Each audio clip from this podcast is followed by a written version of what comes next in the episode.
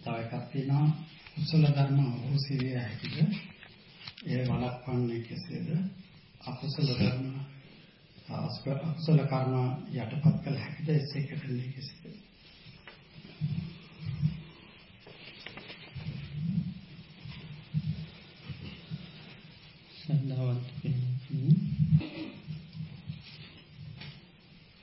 සීලානුස්සති භාවනාව බුදුරජාණන් වහන්සේ දේශනා කළා තියෙනවා.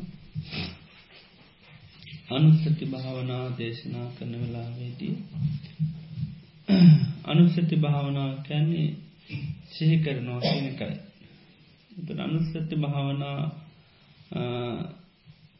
දේශනා කරන්නේ අනුසති භාවනා කරන්න පුළුවන් ඊට අදාළ කරුණු තියෙනයට පමණයි. දැම් බුද්ධානුස්සති දම්මානුස්සති සංගානුස්සති සේලානුස්සති චාගානුස්සති දේවතානුස්සති කියල අනුස්සති භාවනා හයත් තියෙනවා. මේ භාවනා කරන්න පුළුවන් නීට අදාළ ඒ දේවල් තියෙනයට පමණයි. දැම් බුද්ධානුස්සතිය දම්මානුස්සතිය සංගානුස්සතිය වඩන්න පුළුවන් සද්ධාව තියෙන කෙනෙකුට. ශ්‍රද්ධාව තියෙන කෙනෙකුට තමයි ඒ තුන වඩන්න පුළුවන්. දැන් සද්ධාව නැති කෙනෙකුට බුදුරජාණන් වහන්සේගේ ගුණ සේකරා කියලා ලොකු සතුටක් ඇතිවෙන්නේ නෑ. ධර්මී ගුණ සංගරත්නය ගුණ තිවිදරත්නය ගුණ එතකොට සිහි කරන්න අට සද්ධාව තියෙන්නවා. සද්ධාව තියෙන කෙනෙකුට තමයි ඉතා පහස්ුවෙන් කරන්න පුළුවන්. ඒවගේ චාගානුස්සතියක් දාන් පරිත්‍යයාගේ දානය දුන්න කෙනෙකුට තමයි චාගානුස්සති වඩන්න පුළුවන්. ඉළඟට සීලානුස්සති වඩන්න පුළුවන් සිල් රැක්ක කෙනෙකුට. ඉතාමත්ම පිටිසුදුව සීලයක් දෙවුණු කරපු කෙනෙකුට තමයි සීලානුස්සතිය වඩන්න පුළුවන් දේවතානුස්සතිය වඩන්නත් සද්ධාව සීල සුතතියාග පඤ්ඥා කියන මේ පහ දෙවුණු කරපායට තමයි දේවතානුස්සතිය වඩන්න පුළුවන්. තොට මෙතන සීලානුස්සතිය වඩන්න නම් කාලයක් යා හොඳට පිරිසිදු සීලයක් කාර්ශා කරලා තිබ්මහාම ඒ තමන්ගේ සීලය ගැන ආවර්ජනා කිරීම සීලය ගැන නැවත නැවත සිහිකිරීම තමයි සීලාන්සිට භාවනාවෙන් කරන්න. එතොට තමා තුළ තියෙන දෙයක් ගැන සිහි කරනකොට එත ඉතා ඉක්මනින්ම සමාධි කරා ගෙනියන්න පුළුවන් මොකද තමා තුළ තියෙන දෙයක් නිසා. සාමාන්‍ය ලෝකෙත් අපි ළඟ තීර දෙයක් ගැන සේකරොත් අපට සතුටක් ඇතිවෙනවා අපි ළඟ නැති දෙයක් සීකරාට අපට සතුරක් ඇතිවෙන්නේ නෑ. නෙ ඒ වගේ මෙතනත්තෙමයි මේ සීලේ ආරසා කරපු කෙනෙකුට ඒ සීලේ ගැන ආවර්ජනා කරන්න කරන්න සිහි කරන්න සීකරන්න අනස් මේ බුදුරජාණන් වහන්ස පෙන්න්නන යායට බොහොම ඉක්මනින් තමන්ගේ හිත සමාධිකත කරගන්න පුළුවන්. එතුට සීලානුස්සති වරණකොට හර සීලයේ පිරිසිදු ආරශ්ා කරපු කෙනෙක් කල්පනා කරන මගේ සීලය මේ කැඩිල බෙදිලා පැල්ලං වෙලා නැහැ. ඒ වගේම නුවනැති අය ප්‍රසංසා කරන විදිහට ඒවගේම තන්නාදීටි මාන්න වසෙන්න්න බැදී සමාධිය සඳහා උපකාර වෙන විදිට මන් සීලේ රැක්කා කියලා තමන්ගේ සීලේ ගැන සිහි කරනවා. ඒක මට මහාලාභයක් මහාවාශනාවක් කියලා අර මේ සීලේ තියෙන වටිනාකම නැවත නැවත නැවත සිහි කරනවා. ඒ සිහිකිරීම තමයි සීලානු සිති භාවනාවෙන් කරන්න. එතට ඒ සිහි කරන්න සහි කරන්න බුදුරජාණන් වහන්සේ දේශනා කරනවා නරාග පරිුට්ට තංචිත්තං හෝ දේවෙලාව රාගෙන් සිත මැඩලන්න නෑ දේශයෙන් සිත මැඩලෙන්නේ නෑ මෝහයින් සිත මැල්ලන්න නෑ උජුගතාස දිට්ටි යාගේ චිත්තං හිතයාගේ බොහෝම ඉරජු වෙනවා. ඒ වගේම ඒ විදිහට සීලේ ගැන සිහි කරන්න සේකන්න ලබති අත්ත වේදන් ලබති දම්ම වේදං ලබති දම්මූප සංහිතම් හාමෝච්චම් මේ විදියට සීලේ තියෙන ඒ වටිනාකම සිහි කරන්න සේ කරන්න ඒ වටිනාකම පිළිබඳව සිහි කරනක ලොකු සතුටක් ඇති වෙනවා. ඒ සතුටත් එක්ක ප්‍රීතිය ඇතිවෙන ප්‍රීතියත් එක සිතකාය දෙක සංසිදනවා පස්සද්ධකායෝ සුකිනෝ හිතකාය දෙක සංසන හිත සුවපත්වෙනවා සුකිනෝ චිත්තන් සමාධියත හිත අන්න සමාධිගත වෙනවා කියනවා අර විදිහට. ඉති මේ මෙතවට මේ ශීලානුස්සති භාවනාව තුළ අන්න තමන් සමාධය කරා කෙනෙකුට ගෙන යන්ඩ පුළුවන්කම තියෙනවා. ඉතිං ඒ වගේම සීලේ ගැන ඒ වගේ සිහි කරන්න සී කරන්න තව තවත් සීලයේ පිරිසුදු කරගන්න යාට චන්ද චිත්ත විරියවී මංසාදීර්දිපාද ඉන්ද්‍රිය ධර්ම වජ්ජංග ධර්මත් ඒ තුළින් වැඩෙනවා. එතුළ තව තවත් සීලේ පරිපූර්ණ කරගන්න අවස්ථාවතියනවා සීලේ ගැන සිහි කරන්න සහි කරන්න. ඒ නිසා තමන් ආරශ්ා කරන සීලේ ගැන නැවත නැම ඉස්මරණය කිරීමයි සීලානුසති කරන්න.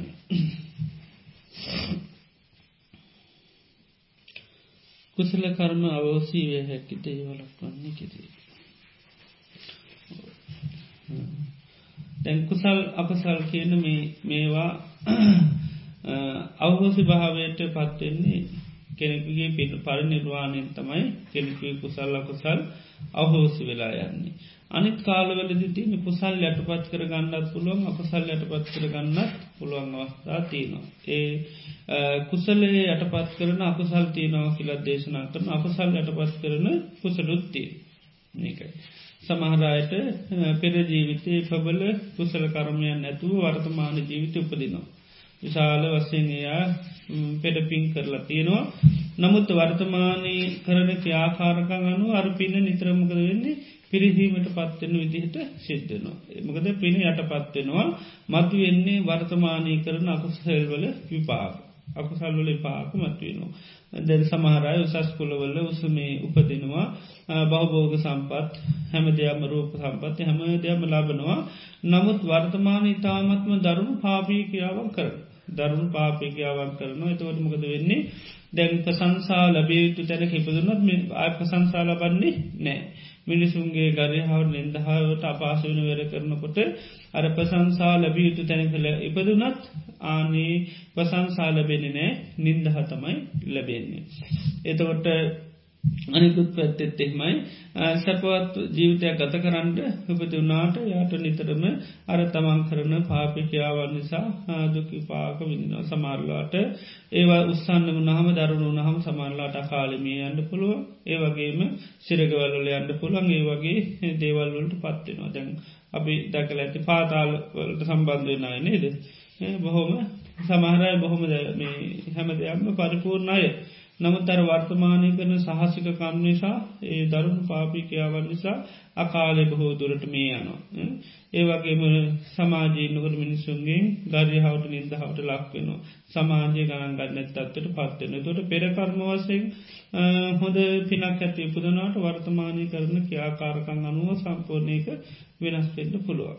ඒවගේම තමයි අකුසල් පැත්තමුත් එහෙමයි පෙරජීවිතය යම් අකුසල විපාකඇතු සමහර උපදිනවා නමුත් ඒවා මේ වර්තමානය හොඳ ක්‍යාකාරකං කරනවාන හොඳට කටයුතු කරනවන අර අකුසලේ යටපත් කරලා අන්න කුසලේ බලගතු කරගන්න පුළුවන්කම ලැබෙනවා.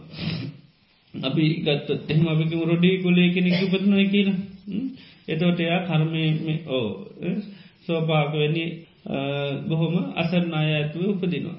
එතොට දැන් ඒ වගේ පහත් තැනක කෙනෙක් ඉපදිල්ල නමුදයට යම් අවබෝධය නිසාපිකුම යා මහනුනයි කියල මහන වෙලා හොඳයට කටයුතු කරගෙන ඉන්නවා පසු අපිකම රහත්තුනයි කියලා දැන් රහත්තුනාම දෙවියන් සහිත ලෝකේම අන්න ගරු සත්කාර සම්මාන ලබන පුද්ජලි බවට පත්වෙනවා. එතර වර්තමානය කරන ක්‍යාකාරකන් තුළ තමයියාටේ ගෞරුව සත්කාර සම්මාන ඔක්කෝම ලැබෙන්නේ. එතර පෙරජීවිතය වසයෙන් ගත්තොත්තයාට අක්සල පාග තිබට ඒ අන්න යට පත්වෙලා වර්තමානය කරන හොඳ ගුණ දහම්වල විපාක ලැබෙනවා. සමහරලාටයා ගිහිය කැටියටම හිටියන හැමදාම රොඩිය ගීකය සමහරලාට ඒ විපාක විඳින්ඩ වෙන සමාජී. නමුත් අර උසස් දේවල් කරන්න කරන්න ආනයා වර්තමාන වසයම උසස් පුද්ජලෙක් වෙනවා. එනිසා වර්තමානය උත්සාහවේදිය තුළ යමක් කරනවානම් කෙනෙකුට නැගී සිටින්න පුළුවන්කම ලැබෙන ඉති ලෝකේ සමහරණයකුව එහෙම දම්බෙක්කාර කළෙම පහ ඉතාමත්ම පහත් කොලේ අය නේද නමුත් බලන්ට ඒයගේ තියෙන ගුණුවත් භාවනි සාතත් මිනිස්සු බොහොම ගෞරුව සත්කාර සම්මාන කරන පුද්ජලෙන් බෝට පත් වනා.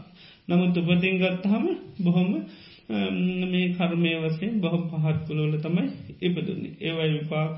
ඒ අයට ඒ ජීවිතවලම විඳින්ද ලැබුණා. ඒවල් අධ්‍යකල ආනේ තුළින් පිඩි මේ හිත මේව කරගන්න ඇතු හොඳ ක්‍යාකාරකම් උත්සාහවේදය දියුණු කරලා අන්න මේ ජීවිතය සෝපත් කරගන්න පුළුවන්. තේ නිසා බුදුරජාණන් වහන්සේගේ ධර්මය තුළ පෙරකර්ම නිසා මිනිසු විඳන සෑම දුකක්ම සෑම සැබක්ම පෙරකර්ම නිසා වනා කියල බුදුරජාණන් වන්සේ දේශනා කරන්නේ නෑ. හැම දෙයක්ම පෙරකර්ම නිසා නෙවේ මනුස්්‍යයම් විදින සැපදුක් කොක්කොමෙන්. ඉස්සර බුදුරජාණන් වහන්සේ කාලේ ආගමික මත තිබුණා යංකින්චායම් පුරුෂ පුද්ගලෝ සුකංවා දුක්කංවා පටසංවේදීති සබ්බන්තම් පුබ්බ කත හේතු. මනුස්සේ යම් කුසලයක් වූ අකුසලයක් වූ සිද්ධ විදිනවා නම් සබ්බන්තම් පුබ්බකත්වයක පෙර කර්ම කියනවා. මොනොහරි සැපක් වින්ද දුකක් වින්දත් කියන්න ඒක පෙර කර්මය නිසාතමයි විඳින්නේ කියලා. ඒකයි ඒ නැත්තන් කියනවා ඉස්සර නිම්මාන හේතු ලෝකයේ මෙවුන් කාරයකින්නවා ඒ මවපු විදිහට තමයි මිනිසු සැපදුක විඳින්නේ. සමහරය කියලගේ කිව්වා අහේතුවක් පච්චය හේතුව ප්‍රත්‍යයන්නේක බේවෙන දෙයක්ත්තමයි සැපදුක් කියනව මනුස්්‍යයන්ට. එතොට අර පෙරකර්ම නිසා එහෙම නැත්තං කවුරහරි මැව්වා කියන මතේ නිසා මිනිසු කියනවනං හැම සැපක්ම හැමදුකම විඳින්නේ මේ එක්කො පෙරකර්මයකු එහෙම නැත්තන් තමම්මවපු ඊශ්වරයා එමනැත්තමවුම් කාරයට අනුරූපෝ තමයි මේව වෙන්නේ කියනවා එයාගේ කැමැත් අනුව තමයි සැපදුක්දීරතින්නේ කියන මතේ දරනවානම් බුදුරජාණන් වහන්සේ වගේ අයළඟට ගිහිල් ලහනවා මේ මිනිස්සු ප්‍රාණගාතය කරන්න පෙරකරමු නිසාද කියලා හොරකං කරන්න පෙරකර්ම නිසාද කියලහනවා තවත් වැරදි කියාවන් කරන්න පෙරකර්ම නිසාද කියලහනවා. එතර පෙරකර්ම නිසා නංගව වෙන්නේ උන්හසකින කාදාපත් එයාට උත්සාහයක් වීරයක් ඇතිවෙනි නෑකින අකුසල් ප්‍රහාණය කළ කුසල් දෙවුණු කරගන්න. ඇයි කිවත් කියන්න ගත්ත කර්ම කියලන මගේ කර්මලතා මොම්මේ විඳවන්නේ. ඉතිං නමුත් සමහල්ලාට කරන කියා විදවන්නේ තමන් වර්තමානය කරන කියා කාරන්න නිසා. සමල්ලාට සිරගේ ඉන්න පුළුවන් ඉතින් ගිහිල්ල කිවොත්තේ මේක මේ පෙරකර්මයක් කියල යහිතන්න මේ කර්මටාව කියලා. ආය බැරිවෙලා තොරකං හිත කරන්න හිතුනම කරන්නේ. ආය තොරකං කරනවා. තවත් වැරද්දක් කරොත්තේම ආයත් එයට ඒ හිත පාලනය කරගන්න බැරුව යාගේ ඉල්ලමගතකන්න වැරද්ද කරනවා ඉතින් ඇවතින කර්මී කියල තමයි කියන්නේ. ඉතිං නමුත් සිද්ධ වෙන්නේ වර්තමානය කරනර ආන පාපිකයාවන් නිසාතම ඒ වගේ දුක්විපාක හැදෙන්නේ පෙර කර්ම නිසාම නෙවේ. ඉති එනිසා බුදුරජාණන් වහන්සේ ධර්මය තුළ පෙරකර්ම නිසා ඔක්කොම වෙනවා කියලකන්න කියන්නේ නැහැ කර්මය නිසාවෙන් උනාට ඒ ගොඩක් දේවල් වර්තමානය කරන දේවල් බලපාන. පෙරකර්මඇතුව උපදුනාට වර්තමානී ජීවිතේ බලපානවා ඒ ලැබවාව ජීවිතය පවත්වාගෙන යන්න වර්තමානකයාව විසා විශේෂයෙන් බලපාන මනුස්්‍යයන්ට විශේෂයෙන් ඒක තියෙන උන්වහන්සේ පෙන්නෙනවා මනුෂ්‍යයකොට සත්වය කැනෙ කොටස් හතරකර පේරෙනවා උට්ටාන පලෝප ජීවී පුුණ්‍ය පලෝප ජීවී. ඊළඟට නේව උට්ටහන පලෝප ජීවීන්න පුුණ්‍ය පලූප ජීවී උට්ටාන පලූප ජීවීච පුුණ්‍ය පලූප ජීවිච ඊළඟට නේවුට්ටාන පලූප ජීවීන පුුණ පලූප ජීවී කොටස් සතරක් පෙන්නවා. දෙවියන්ගත්තහම බුදුරජාණන් වහන්ස පෙන්නෙනවා පුුණ්‍ය පලූප ජීවීන උත්ථාන පලූප ජීවී. දෙවියන්ගේ ජීවිත සම්පූර්ණ පුුණ්‍ය පලයෙන් ජීවත්වන එකක් වීරිය පලය අවශ්‍යන වීරිය කරන්න ඕන්නේ නැහැ වර්තමානයේ වීරිය කරන්න ඕන්නෑ නමුත් තනිකරම හැම දේම ලැබෙනමුගේටද පිණිට ලැබෙනවා. එනිසා ලැබවා වූ ජීවිතයේ උත්සාහවීරී අවශ්‍යතාවයක් නැහැ. පින බලගතු නිසා පිළිගේ ජීවිතය පවත්තරණ යන්ඩ හැකියාවතින එකට පුුණ්‍ය පලූප ජීවී කියන්නේ වීරි පලය ඕරන ඒ සඳහා. ඊළඟට නිරඉන්න නිර සත්තුවන්නවා. ඒ අයට වීරිය කරා කියලා යන්න ලැබෙන දේකුත් නෑ පින්ක් මේ පිණින් ලැබෙන දේකුත් නෑ තනිකරම දුක් විපාක තමයි විඳින්න තියෙනේ නිසායයි හඳුන්නල දෙන්නේ නේව උට්ටාන පලිඋපජීවීන පුුණ පලිඋපජීවී වීර පලයෙන් ජීවත්වෙන්නෙත් නෑ පින් පලයෙන් ජීවත්වෙන්නෙත් නෑ ඒ පල දෙකම ලැබෙන්නේ නෑ. ඒ ළඟට මනුෂ්‍යයන් ඉන්නවා කොටස් දෙකක්. එක කොටසක්කින්නවා එන්න පුුණ්‍ය පලූපජීවී උට්ටාන පලුව ලොකූ පිනක් නෑ උපදිනකොට ලොකු පුුණ්‍ය සත්‍යයනය යම් ප්‍රවාානක පිනත්තිය නමුත් ඒක සැරකිල්ලට ගන්න පුළොන් පින නොවේ. නමුත් ඒ අයට වර්තමාන ජීවිතේ හානයයි වීර්ය පලය උපයෝග කරගෙන ජීවත්වෙන්න පුළුවන් කායක වීරිය සහ මානසික වීරිය කියන දෙකම. කායක වීරිය තියෙනකට මිනිසු කෝමාලම හොයාගෙන දේවල් කන කනෝබනො වර කීරස්සා කරල ඒ වීදියන්තම කරන්න. තිවීරිය වැඩි අයට ඕන තරම් හොයා කයාගන්න පුළුව. ඉළඟට මානසික වීරිය තියෙන කෙන අකුසල් ප්‍රහාණය කළ කුසල් දියුණු කරගන්න. එතොට තවත් අන්න එයා බල සම්පන්න කෙනෙක් බවට පත්වෙන. එතර සම්පූර්ණය අටට පින් පලය අඩුනාට වර්තමානය කරනේ වීරී මුල් කරගෙන ඒ වීරී පලපයෝ කරගෙන ආන්න ජීවිතය ගොඩනගාගන්න පුළුවන්. කායික වීරියත් මානසික වීරියත් දෙකම තියෙනවන හොඳම කෙනෙක් වෙන්න බොහෝදුරටම පුළුවන්. ඊළඟට තව කොටසක්කින්නවා පුුණ්‍ය පලූප ජීවීච උත්හාන පලේට. පින් පලයත් තියෙන හැබැයි පිනෙම්ම ජීවත්වවෙන්න බැහැ වීරියක් කරන්න ඕන. ඉගෙන ගණ්ඩුන් රැකී රැස්සා කරන්න ඕනි. ඒ වගේ දේවල් කරන්න ඕනි. ඉති මනුසයකුුණහම හැම කෙරෙක්ම යම් වීරියක් ජීවිතය පවත්තන්න කරනවා මයි අධ්‍යාපනාදී දේවල් සඳහා හරි උත්සාහයක් ඇදැන්ඩ ඕනි. ඒවගේම තමන් කරන ව්‍යාපාරයවා මේ පවත්තගෙන යන්න ඕනි. ඒවගේම අනි පැත්ති වීරිය ඕනමයි. පින තිබුණත් වීරිය නැතුනත්මක දෙන්නේ අර ජීවිතය අපසලේට ගියත්තහෙම හරියට පවත්තාගෙන යන්න බැරිවිලායනවා. එති ඒ නිසා මනුෂ්‍යයන් ඒකයි සමහරය පින හා වීරියකින දෙක මූුණනි මනුස්්‍ය ජීවිතේ පවත්වාගෙන යන්න. නැත්තමකද මනුෂ්‍යයකල ඉපදිනකොට පිරිහෙන්න දේවල් ගොඩාක් තියනවා. සල්ලි භාගඇතු ඉපදුනාට පිරිහෙන්න දේවල් සමාජය තුළ ගොඩා අක්සල ධර්මයන්ගෙන් ග්‍රහණ වෙලති ඒවා ප්‍රහණය කරන්න වීදියකින ඕනි ඒ වීඩිය පලය තියෙන තරමට තමයි අර ලැබවා වූ පින බුද්ධි විඳින්ට හැකියාව තිීන් ලැබවා පින බුද්ධි විඳින පුළන්ගෙන්නේ එයාගේ අර වීරියත් එක් නැත්තං අප සල්වලට ජීවිතයකේ ගාම නිසි ආකාරෝ දේවල් බුද්ධි විඳින්න ලැබෙන්නේ නැහැ. ඉතිේ නිසා මේ වීදී පලයත් පුුණ්්‍ය පලයත් කියන දෙකම දියුණු කරත් අන්න කෙනෙකොට හොඳටම ජීවිතය සාර්ථ කර ගන්න පුළුවන්. එනිසාපිට ලැබ පෙර ජීවිතය අක්සල් තියෙනවනම් ඒව යටපත් කරන්න කරන්න තිය එකම දෙය ඒමකක්ද පින්දහම් සිද්ධ කරන්නට ඕනි. උපන්දී දවස්සේ ඉදරත් දැනතේරෙන්නේ කොයි කාලෙද ඒ කාලින්ද්‍ර පුළුවන් තනම් පිණට දහමට නැමුරුවල කටයුතු කර අර අති තකුසලේ පාකයන් ඇටගිහිල්ල කුසලේ පාක මත්වෙනවා. බොහෝ කලාතුරගෙන් තියෙන හැබැයි දරුණු අකසල් ඒවා කොච්චර කුසලේට අවතයරුණුනත් ඒ අකසලේ පාකේ එනවා. ඉතින් බොහෝ දුරට වලක්ක ගන්න පුළන් ඒවතින සමහර දේවල් ඉතා දරුණු වකුසල්තිනේවා මොනම හේතුවක් නිසාවත් ලේසින් නතර කරන්න බැරිේවා අර ලෝසක ස්වාමන් වහන්සේ වැනි අයට ඒ ආපු කරුම විපාගේ හරි බලගතයි.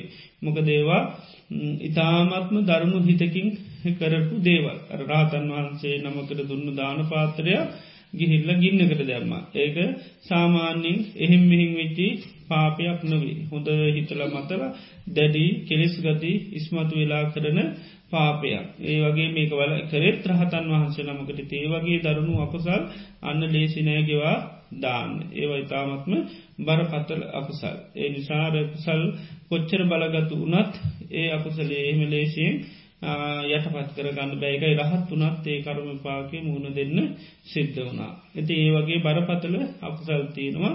ඒවා බොහෝදුරටම අර වර්තමානයේ මේ අපි පින්දහම් කරයි කියල යටපත් කරගන්න බෑ.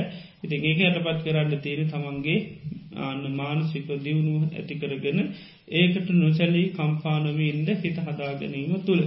එහම නැතුව ඒ වගේ දේවල් සමන්ලාට වලක් ගන්න බැහැති අනිත් දේවල් බොහෝ දුරටම වර්තමානය කරන කුසල් බලගතු වෙන්න වෙන්න වෙන්න ඒ අක්සල විපාක යට ගිහිල්ල කුසල විපාක මතු වෙලා එනවා. ඉතිේ නිසා අපිට පුළුවන් තනං එකයි හැම දෙයක්ම සිද්ධ වෙනකොට ඒක පෙර කර්මී කියල පසු තැවෙන්න ඇතුව අපි වර්තමානය හොඳට දේවල් සිද්ධකරොත් අපිට ඒවා යටපත් කරගන්න පුළුවන් අපිට අර පුරුද්දක් වෙලා තින් මොනව වනත් කර්මය කියලා කියවෙනවා. මේක මං කරගත්තේ හරමය කියලා බුදුරජාන් වහන්සේ කනුමත කරන්නේ කරනවේ උන්වහන්සේ දුක්විදිනකොට කර්මයෙන් නිසා දුක්විදිනවා නෙවේ සිතන්න කියන්නේ. කරුණු කීපයක් පෙන්නවා.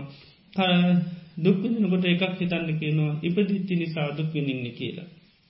ඉබදිච්චි නිසා තමයි දුක්විඳින්නේ. එතවට තමයි නියම විදිහට කල් කෙරෙන්නේ. ඉපදුරේ මනවාද දැපට ඉපදුරේ මනවාද? ඉස්කන්ද පහල වුණා ආයතන පහළුණා දැන් ජාතිය තෝරණකට පෙන්න්නන්නේ කන්දානම් පාතු භාවෝ ආයතනානම් පටිලාබ ඉස්කන්ද පහළුණ ආයතන පහළුණා. එතකොට අපි කලකිරින් නෙමකර දිපදිච්චි නිසා කියනකොට. ඉස්කන්දයන්ට කලකිරෙන්නේ ආයතනයන්ට කලකිරෙන් එතොට අපිට අපි දන්නම පංජුපාදානස්කන්දේ පෙතිලාබි නිසාමයි මන්දුක්කදින් ආයතනයෙන් ලැබිචි නිසාමයි මන්දුක්කිද තොට කලකිරෙන්නේ තිෙන්ද නැත්තන් අපි බාහිර ලෝකෙත්තකෙන කලකිරෙන්නේ. නේද? එතට ඒ කලකිරීම අපි සංසාර කොච්චරවත් ඇති කරගෙන තින පුද්ජිලයෝන්ට කලකිල දහස් කරන්න අත ඇල්ලති කෝටි කරක් එහෙ කලකිරීමතේ අපිට වැඩ නැහැ. අපි කලකිරෙන් ඕනී කලකිරෙනවා නම් මේ ආයතනයන්ට කලකිරෙන් ඕනී පංචුපාදානස්කන්දයට කලකිර මොකද දුක ඇති කරලා දෙන්න කෙනා පජින් කෙලෙන්නේ කොහෙද? පංචපාදානස්කන්දේ තුලා ඇතින තුරමකක්දේ තන්නාව නේද? තන්නාව තමයි දුගට ප්‍රධාන හේතුව. සාකෝපනේ සාතන්හා කත්ත උපජමානා උපජතිකත්ත නිවිශ්‍රමානානු විස්තති ඒ මේ තන්නහාාව කොහෙද උපදිනවනං උපදින්නේ? කොහේද පජංචිලාන ඉන්නවන පජංචිවෙන්නේ එතුරකින යන්ලෝකේ පිය රූපන් සාතරූප මේ ලෝකයම් ප්‍රියස්වරූපේ මිහිරිස්වරූපය යමක් ඇද්ද? එත්තේ සාතන්නා නිතර තම මේ තන්නා උපජමාන උපජ උපදිනවන උපදින්නේ. නිවිසමානා නිවිසති. පජංචි වෙලා ඉන්නවනම් පදිංචි වෙලා ඉන්නේ. ඊළඟටාම කිංචි ලෝකේ මොකද මේ ලෝක පියදේ එතොට කියෙන චක්කුල් ලෝකේ පිය රූපන් සාදුර ඇහැතමයි මේ ලෝක පිය මනාප තැන. ආනෙතර තමයි සන්නහ පජංචිවෙලා ඉන්නේ. ඉළඟට රූපං ලෝකේ වේදනා ලෝක රූපවේදනා සංඥ මේ වතා මේ ලෝක ප්‍රිය මනාප තැන් එතන කියන තන්නහා පජංචිවෙලා ඉන්නේ.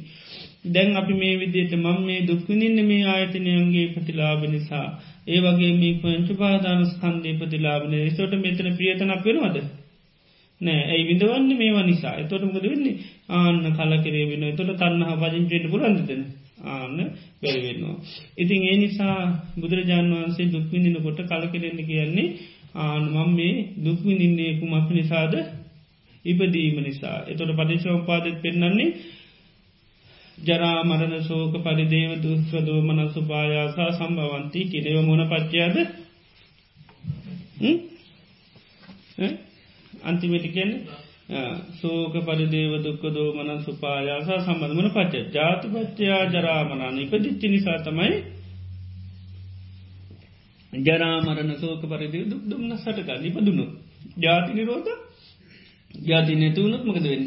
අන්න සෝක පරිදේ දුක්ක දෝමන සුපායාසා නිරුජ්ජන්ති අන්න නැතිවලන තොට සෝක පරිදේව දුක් දුම්න්නස් විඳින්න ආසන්නම හේතුව තමයිමකක්ද ඉපදීම. ඒක ඉපදීම තිබුණොත් තියෙන ඉපදීම නැත්තම් නෑ ඉති අපි එතින්ට තමයි ඉන්දෝනි සෝකයක් පරිදේව දුකන් නිර්මසක් උපදිනකොටම සීහ පීටන්ඩුනි ඇයිමන් මේ දුක විඳින්නේ? අන්න ජාතිපච්චයා ඊළඟට ජාතිය තියන තාකල් මට මේක නිදහස්වෙන්ට පුරන් වයිද? බෑ නිදහස්වෙන්ට නම්මකක් දෙන්න ඕනි? ජාති නිරුද්ධ කරන්න ඕනි. එතර තමයි ජාති නිරුද්ධ කරන ප්‍රතිපදාවට යන්නේ ජාති නිරුද්ධ කරනු කත කරන්නුව ආනාර්යෂ්ඨාක මාර්ගයට යන්නඩෝන්. එතකට තමයි යන්න නිසි ලෙස යන්න නැත්තම් අපි කර්මය කර්මයකක පෙර ජීවිතත් එක තරහ වෙන වැරට වෙන මොකක්ද. නේද. ඉති ඒ නිසා කලකිරෙන් ඕනි තැන එතෙන්ද. ඒව නැත්තම් මුදුරජන් වන්ස කියනවා දුක් දුම්න්නස් විඳනකොට සිහ පිහිටවාගෙන බලන්නගෙන ඇයි මම් මේ දුක් විනින්නේ. එතොට එක් කියන උපදිපච්චයා කෙලෙස් නිසා තන්නහාව නිසා ආනකයි. තන්නහාව මුල් කරගත් කෙලෙස් නිසා දුක්කිදිනවා කියලා මේ බලන්න කිර තුර කලකිරෙන කායිකද. කෙලෙස් එක ආනක එතුර කෙලෙස් තියන තාකල් දුක් නිද නොක නිගලෙසු නොත්තම දුක් නැතිවන්නේ. අරන්න නේද රහත් වනාහම දුක්තිනවද. නෑ දුක්ක නිමිති තිබර දුක් නැහැ. ආනෙතවට තමයි මගේ ජීවිත නිගලෙස්සෙන් ඕන ම මේ දුක නිදහස්වෙන්ද. එතොට පොඩි පොඩි ප්‍රතිකර්ම කර කරින් හරියන්නේ නෑ එක එකනට පූජතීති හරියන්නේ ආනෙක මකට දන්නවා මකද හේතු කියලා. ආනක ඉති ඒකයි බුදුරජාණන් වහන්සේ වෙන්නේ. එම නැත්තං කියනවා දැන් ඒ කාලේ තිබුණු මතයක් තමයි ඒ කාලෙ තිබුණු මතයක් තමයි බුදුරජාණන් වහන්සේ කාලේ මේ මේ මේ දුක කියනක සයන් කතන් දුක්කන් දුක තමා කරා කියන මතයක් තිබුණ ඒ කාලේ. දුක කියන්නේ තමන් කරගත්ත එක. සව සමාරය කියන පරංකතන් අනු අනිත් එක්කෙනෙක් කරපික. වෙන කෙනෙක් තමයි දුක කරේ. තව සමහරයකිව අහේතු අපපච්ච හේතු අප්‍රත්තියද නිකං විච්චේක ස්‍රව සමහරයකිව සයන් කතංජ පරංකත්තා මේ දෙගොල් එකතුල එකතු වෙච්චී කම්ේ එකතු වෙලා කරපිකත්තමයි දුක තමයි තමනුයි අනුනුයි එකතු වෙලා කරගන්න එකත් දුක. එතට බුදුරජාණන් වහන්සේගෙන් ඇහවා ඔබහන්සමකද කියන්න මේ ගැනක අන්නිතේටක පිරිසා එතුර උන්වහන්ස කිව්වා පටිච සමුපන්නන් දුක්කං උත්තම්මය. මනන් කියන්නේ පටිච සම්පන්නයි දුක. මොකක්ද පටිච්ච සමුපන්නයි මේක තමන් කරා කියලගන්නෙත් නෑ අනුන් කරා කියලගන්නෙත් නෑ දෙගොල්ල එක තුළ කරා කියලගන්නෙත් නෑ ඉබේ වුණනා කියලගන්නෙත් නෑ. හානකයි පටිච්ච සමුපන්නන් දුක්කං උත්තම්මය. මං කියන්නේ නම් පටිච හමුකින් පටිච්චමකක් නිසාද? පස්ස පටිච්ච ආන එක වචනය කිය නමකක්ද පස්ස පටිච්ච ඉස්පර්ශයෙන් තමයි දුක්විනින්නේ කියනවා. ඉවන්හස කියන ඉස්පර්ශයෙන් තොරව දුක හටගන්නවා කියලෙක්කුත්තෙන්නේ නෑරු ඉස්පර්ශයෙන් තොරෝ දුක විඳින්නේ විඳිනවා කියනෙක වෙන්නෙත් නෑකින. ඉස්පර්ශයෙන් පත්තිතා වෙන්නේ. ඊළඟට සයංකතන් තමා දුක කරා කියලා කියනවනම් අන්‍යත්‍ර පච්චයා පටිසංවේදීති. ඉස්පර්ශපත්තියෙන් තොරෝ විඳිනවා කියනක වෙන්නෑ කියන. විදිනවාන විඳින්න කොහෙන්ද? ස්පර්ශපත්තියෙන්. තමා කරගත්තත් වන්න විඳින්න තිය නිස්පර්ශපත්ති තව කවර කියරන අනුන් කරාකිවත් ඒත් විඳින්න තිීමන පත්තින් ඉස්පර්ශපත්ති ඊළඟට තමන් අනුන් දෙගුල් එකතු වෙලා කරත් විඳින්න තියෙනක හෙද ස්පර්ශපත්තිින් ස්පර්ශපත්තියෙන්. තොර විඳිනවා කෙනක විඳිනෑ කරාකිවත් එහෙමයි. කරාකර කිවත් වෙන්නමන පත්තියෙන්ද? ස්පර්ශපත්තිී ඇහැයි රූපය සිතයි එකතු වෙන ඒකතුවීම තුළ අපිට මොකද වෙන්නේ? අන චක්කුම් පඩිච්ච රූපේට උපද්ජති චක්කු විඤ්ඥානන් තින්නන් සංගති පස්සු. පසපච්චය වේදන. වේදන පච්චා තන්න තන්නා පච්චය උපාධන පාදාන පච්චා බව භවපච්චය ජාතිකන්න. එතර භවය කෙනෙක හැදෙන්නේ එක විපාක පිටස කරම හැදෙනවා. ඒ හැදෙන්න්නෙත් අන්න පස්ස පච්චයා ආන්නේක. ඒ නිසා කරම හැදරවාකිවත් හැදෙන්නෙකු මොකත්තර ස්පාශය තුළ. විඳිනවාකිවත් විඳවන්න තියන්නේ ස්පර්ශයන්තුර ස්පර්ශය ස්පර්ශයන්තුරුව කවුරු පිදුවන්නේ නෑ අපට මොනහරි අපි බැනුම් අහනුව කියලා කර්මයක් නිසා. අපිට කර්මයන් නිසා බැනුම් අහන්ඩ තියෙනවා. ඉති හටගන්න කොහෙන්ද? පස්ස පච්චි ආනකයි කනයි. එම නැ බාහිර කෙනෙ බයින එකයි විඤ්ඥානයක තෙච්චි තැන. එතන තම ඉඳවන්න තියන්නේ. දැන් ඒ තුන කෙනෙකුට අවබෝධයි. එතොට එයා විඳුව නොද එයා නිත්‍ය සංඥාවට නොහොඳට. චක්කු සෝතංහන් නිච්චන් ශ්‍රද්ධා නිච්චා ඉඳගට සෝත විඤ්ඥාන අනිච්චා එයා බලනවා කනත් අනිත්‍ය දෙයක් සද්දත් අනිත්‍යය සෝත විඤ්ඥානය තනිත මේ තුළ එකතු කොහොමත් අනිත්‍යයි. ඒ අනිත්‍යයන සහටගන්න වේදනාවකුතු නිචම් භවිෂ නිත්‍ය වෙන කොයකත් අනිත්‍යයයි. එතොට එයට බයිනවා බැයි බයින හැම්වෙලේ මෙයාමකත කරන්නේ? මේ විදියට භාවනා කරනවා. එතොට එයා විදුවනවාද ආනය විදුවන්නේ ආන්නේකයි එයා විදුවන්නේ නෑ. එතොට එයා කර්මයක් නිසා වින්දත් කර්මයන් නිසාතම බැනුම් අහන්නේ. ඒවනට එයා විදවන්නේ නෑ. ඇයි එයා මේ පිළිබඳ අවබෝධින් ඉන්නවන මක දිස්පරශයෙන් තොර වෙන්නේ ආනය ස්පර්ශායතන පිළිබඳ හොඳ අවබෝධයක් තියෙනවා. ආන්නේක යමකදම ස්පර්ශය කියනක හොඳර දන්න වේදනාව කියන්න මකක්ද කියලා දන්න වේදනාව ගැන උන්වහස පෙල්ලනවා එක දේශනයක මේ නන්දකවාද සූත්‍ර තියනවා. වේදනාව කියන්න හරියට පහන් සිල වගේ. වේදනාව කියන්න හරියට මේ සෙවනැල්ලක් වගේ. මකද ගහක තියෙන සෙවනැල්ලක් වගේ. ඒවගේම වේදනාවකැන් හරියට ආලෝකයක් වගේ. දැන් ආලෝකය ගත්තොත්තේ මකදද? ආලෝක කියන්නේ යම හේතුවන් නිසා තියෙනක නේද? ඒ තමයි පහනයි පහනක තෙලුයි වැඩි සිලයි නිසා. එතොට පහනේ තෙලුත් අනිත්‍යය නම් සිලත් අනිත්‍යය නම්. ඊළඟට වැටි තනිත්‍යය නම් ආලෝකයේ අරිචිතාව කියනති නොද අයනිත්‍යය කියලද කියන්න දෙයක් නෑ ඉතින් ගෙන පහනේ තෙලුත් අනිත්‍යය නම් වැටිත් අනිත්‍යය නම් සිලත් අනිත්‍යන ආලෝක කොහොම අනිත්‍යය කියල. ඉතින් කෙනෙක් කියනවා පහනේ සිලත් අනිත්‍යය තමයි. ඊළඟට ආලෝකය තනි මකද වැටිත් අනිත්‍යය තමයි.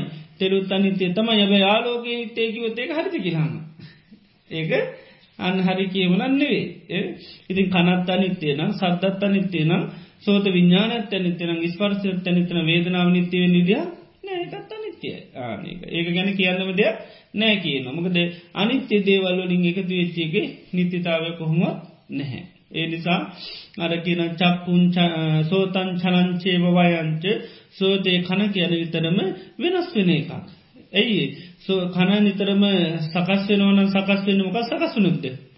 නාමරූප සකසුනුත් පමණයි නාමරූප තියන තාක්කල් කන සකස් වෙන නාමරූපන තුච්චිකාගක වෙනස් වෙන හැවිලේ අපේ කනට දෙවල හෙනවද කන තිබට නෑ නේද අපේ අර නාමරූප සකස් වෙච්චි වෙලා තමයි කන ආන සකස් වෙන්නේ. ඉතිේ නිසා ආයතනයන් නිතරම ඒට අදාළ හේතුව වෙනස් වෙච්චිකම ආයතන වෙනස් වෙනවා.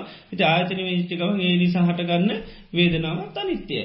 දැන් අපිට කනට මහරි අපි ඇහ මොනහට බල බලන්න ඒ බල බලන්නට කවරට බැනගෙන නොතොරමගදේද අද ඇහ ස්පර්ශය අයිතල ආන්න. කනට ස්පර්සයක මීට පස්සයන්නේ ඒකම් පොපි අමාරුවත්ත තුළ ඊට පස බැනුම්නානක පැත්තකින් තියල පපු අල්ලගෙන බේට්ටි කබොල්ල එතට පපි වේදනාවතමයි දැනෙන්නේ.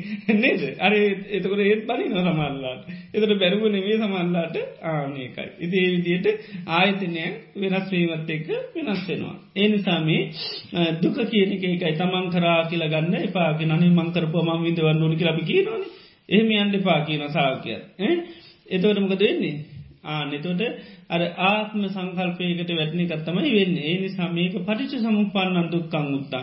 මේක හේතු නිසා හටගත්ත නිසා හටගත්ත එකක් කියල නිතර මෙන්ඩෝන ඒ නිසා දුකක් විඳනුකොට එක්කෝ ඉබදිච්චි නිසා එහම නැත්තං කෙලෙස් නිසා එහම නැතං ස්පර්ශය නිසා කියලා ආන්න ගන්නඩෝනි මොනහර දුකකින පස්සපච්චය ස්පර්ශය නිසාතම විඳන්නේ.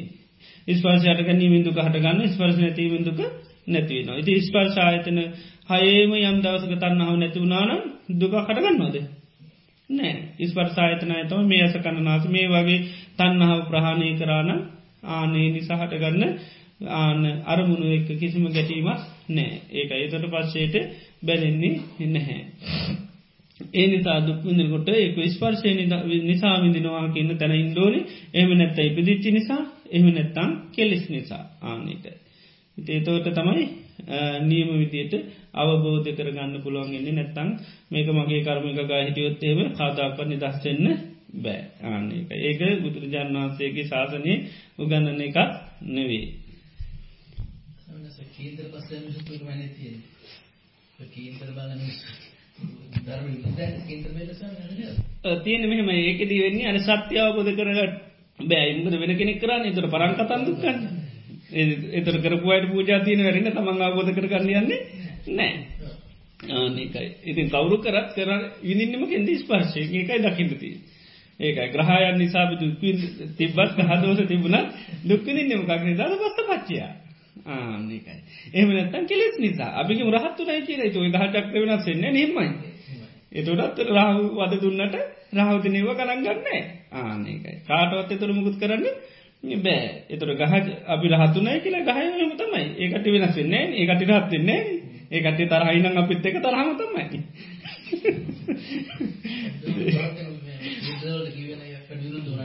බුදුරන්සේ ධර්මය මොකක්වත් නෑ ඒව ගැන කතා කරන්න. ඒවා ඔක්කුම තිරච්චාන විද්‍යා කියල කියන්නේ ඒකයි. මොක දේව සත්‍යාබෝධය පිණිසන ලෝක පැවැත්මට මිනිසුන්ට උපකාරවෙන දේවලඉතින් අර රත්තරන්න තුනම යකට කෑලි තුොඳයිනි නේ. දේ වගේ ධර්මය නැතියට හොඳයි. ධර්මය තියනයට අවසිතාවය නැහැ. නාන්නේක ඉතින් මොකද අපි කේන්ද්‍ර බැලුවත් ඒත් ඉතින් අපි අපි කරන පින්නේ කරගන්න තියෙන නේද? ඒත් කියන්න බෝධ පූජාතයන්නේ හිට හම දාමති බවිවරන එක නේද? ඒ නිසා කෝමකටත් එන්න තියෙන අය බුදුන් වන්සේ උපදේශයන්ටන නේද? එක භාවනා කරන්න කියයි සිටුවකෙන්ට කියයි. ඒ එච්චරයි. ඒකඉතින් අපි තේරුම් ගන්න ඕනු පංජීවිතේ බුදුරජාන් වහන්ස පෙන්න්නන්නේ අටලෝ දහමක් එක ජීවත්තෙන්න්න තියෙන ඒවයි ඒ බුදුරන් වන්සේ ධර්මය තුළ ඉන්නවාන ඒ ඔක්කොම කියල දිලතින තොට තිදන්නවා අපි තමරලාට ඕ ගොච්චර මේ වනත් මේ අටලෝ දහම අනිවාරමකද කෙලෙ සහිත ලෝකක ජීවත්තුන ති අපට අනිවාර මිනිසුන් යනුම් බැරුම් හල්ලර නිදහ ලබන්ඩර ඒවලක්කන්න බෑ. කාටවත්. ඒක බුදු කෙනෙ කොටත් වලක්කන්න බෑ. ඒකයි. ඒවා අවබෝධ කරගන්න පුළුවන් ධර්මී තුළටාවත් ඒකයි. තේනම් සයිපදුනොත් තියෙන පස්න ඉතින් නිසා ඉතින් ඒවා පිළාද මධ්‍යස්ත වෙන්ඩයි තියෙන්නේ. ඉතින් සමාජය සමාධ දේවල්ලදී අපට ඒව සමට පාච්චි කරන්න නේද? මොකද ඒක පාශක වැඩ කරන්න නේද?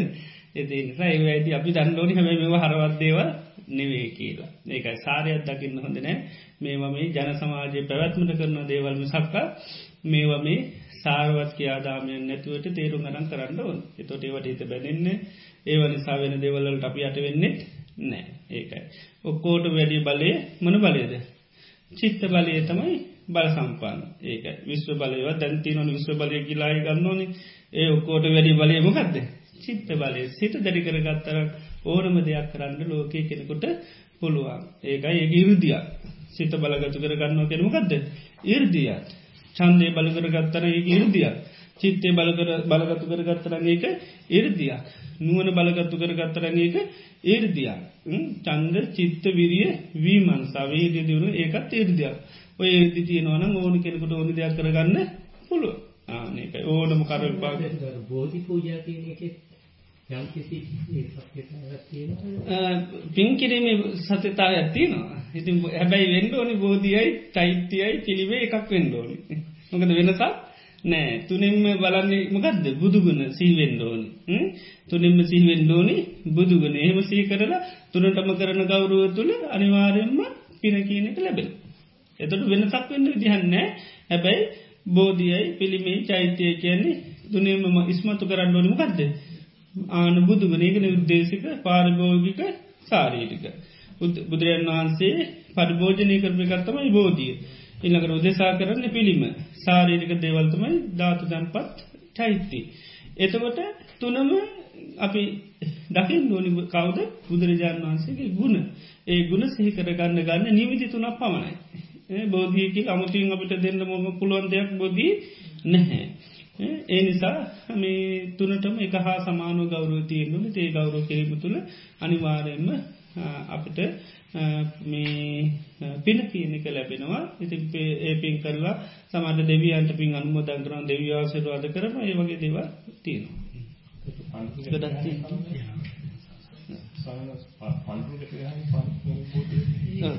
ඒත් ඉතින් අරකොල තමයි සතුරු කරන්න රුපියලත් දෙකක් දීලා දෙවිය. කප්ප මක් වගේ නේද මම මේ ප්‍රශ්නය අහන්නම් මේ මොකද දුක ගැන තියෙන ප්‍රශ්නයක් නිසා මේක ඉගෙන ගන්න. ගරු ස්වාමීන් වහන්සේ සංසාර දුක ගැන කුමක්දයි විග්‍රහ කර දෙන්න. මතු භවයෙන් නොපතා මේ භවයේදීම මාර්ගඵල ලබා ගති වන්නේ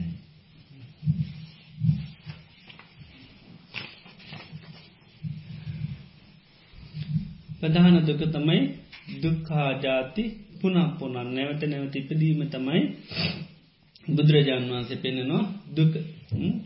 සරියුත් මහරහතන් වහන්සේගමුත් ඇවිල්ල කෙනෙක් ඇහවා මොකත් මේ දුක? මේ ශාසන දුක හැටිය නොකක්ද කියන්නේ? තුරගෙන අභිනිබ්බත්තිය අවසු දුක්කං ඉපදීම තමයි දුක. අල්මිනිබ්බත්්‍යය නොයිපදීම තමයි ආන සැප. ඉපදී මැතිකල්ලි තමයි මනුෂ්‍ය හැම දේකටම ලක්වෙන්. සීලුම දේට ලක්වෙන්නේ ඉපදුණු දැන් අපි ගහ දෝසවලට මොනහරි දෝසවලට ලක්වෙන්නේ ඒ. ඉපදුනොත් ඉපදුන් නැත්තම් මොකුත් අවශ්‍ය වෙන්නේ නෑ. ලෝකයේ යමත් තියෙනවාන ලක්වෙන ආනේ හැම දේකටම ලක්වෙන්න ඉපදීම කියනවා. එතොට බුදුරජාණන් වහන්සේගේ ශාසනය තුළේකයි ඉපදීම නැති කරන්න තමයි උන්වහන්සේ ආන ශාසනයේ සියලූම උපදේශන් දෙන්නේ ජාතිය නිරුද්ධ කර ජාති නිරුද්ධ කරපුන් තැන තනයි අන්න සියලූම දේවල් අපිට නැති කරගන්න පුළුවන්කම ලැබෙන්නේ. දැ බෝස්ථතාණන් වහන්සේත් දැක්කන සත්‍ර පෙර නිමිති කියලනේද. ඒවැයි දුන්නාන්සේ කලකිරුණෙත්මකේටද ආනිපදීමට අර ලෙඩෙත් දැක්කට පස්සේ මළමිනිියත් දැක්කට පස්සේ ඊට පස්සේ වයිස කෙනෙත් දැක්කට පස්ස උන්වහන්සේ දීරත්තුවත ජාති ජාතියට නින්දහාවේවා ජාතස්ස ඉපදි චුමිනිස්සුන මේ තත්වට යන්න. මේ ලෙඩවෙන්න මේ මැරෙන්නේ. මේ වගේ තත්වයන්ට ලෙ රෝගාතුරුවලට මේවට ඔක්කෝටම ලක්වෙන්නේ මොක නිසාද?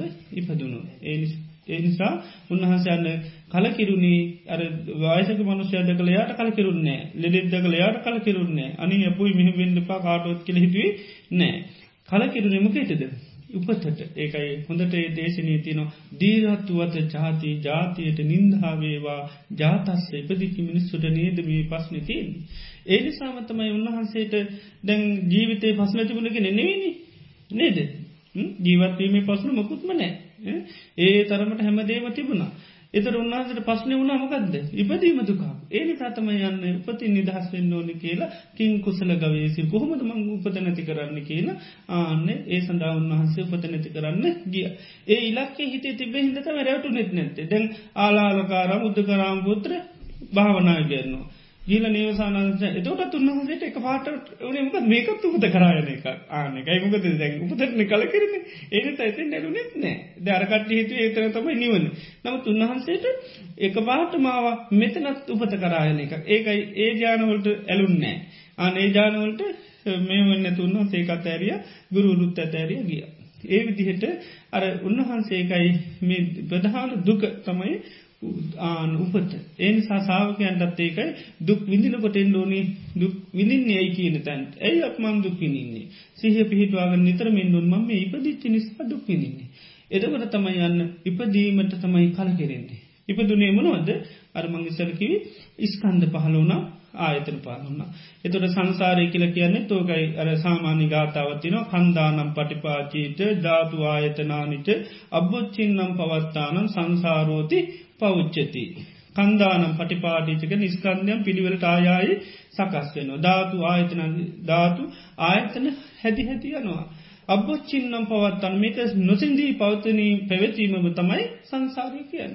හේතු හටගන්නවා ඒ හේතු නිසාය පල හටගන්න ඒ පලින් අයි හේතු හටගන්න මේ හේතු පල ක්‍යාවලි නිතරම ආයායි සිද්ධ වෙන නිසා ආනීකට තමයි සංසාරය කියල කියන්න ඉතින් එනිසා සංසාරය දුක ගත්තොත්මකන්ද ප්‍රධාන දුක උපදීම තමයි දුක.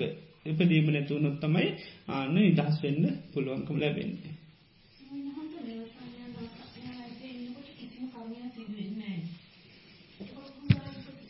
මොකදද ඒ නේව සංඥාන සංඥා ඇතිනයට කර්ම හැදෙනවා ඒකයි. එතනත් කර්ම සකස් වෙනවා. මක දෙයාය භාවනා කරන්න ඉස්සල්ල කර්ම හැදෙනවාන. දැම් භාවනා සඳහා වෑයම් කරන්න කරන්න කරන්න නේවර සංඥානා සංඥාත ලබාගන්න කරන කර්මය තුළින් ඊට පසයා ගිහිල්ල උපදිනවා ඒ ජීවිත. ඒක තියෙන්නේ ඒ කර්මයෙන් හැදිච්චේ ජීමේ ආය කාලයක් තියෙනවා කල්පගානත් තියෙන. ඒ කල්පගාන ගෙවනට පස ආයතය සාමාන්‍ය තත්වට මෙන්නෝ ඒකයි. දැ තවතියන ඊටත් දැරියම මේකක්. ඒකති කොහොම දන්නෙමන ඒත් එයාගේ කර්ම හැදෙනවා. ඒ කර්ම හැදිචි නිසා යාගේ ලොපදිනේ තමයි මේ අසං්ඥ කියලෙක අසං්ඥ තලය කියලක යට කය මිස හිත නැති බඹලෝ තලයකි කියලා හක්ති නොන්නේද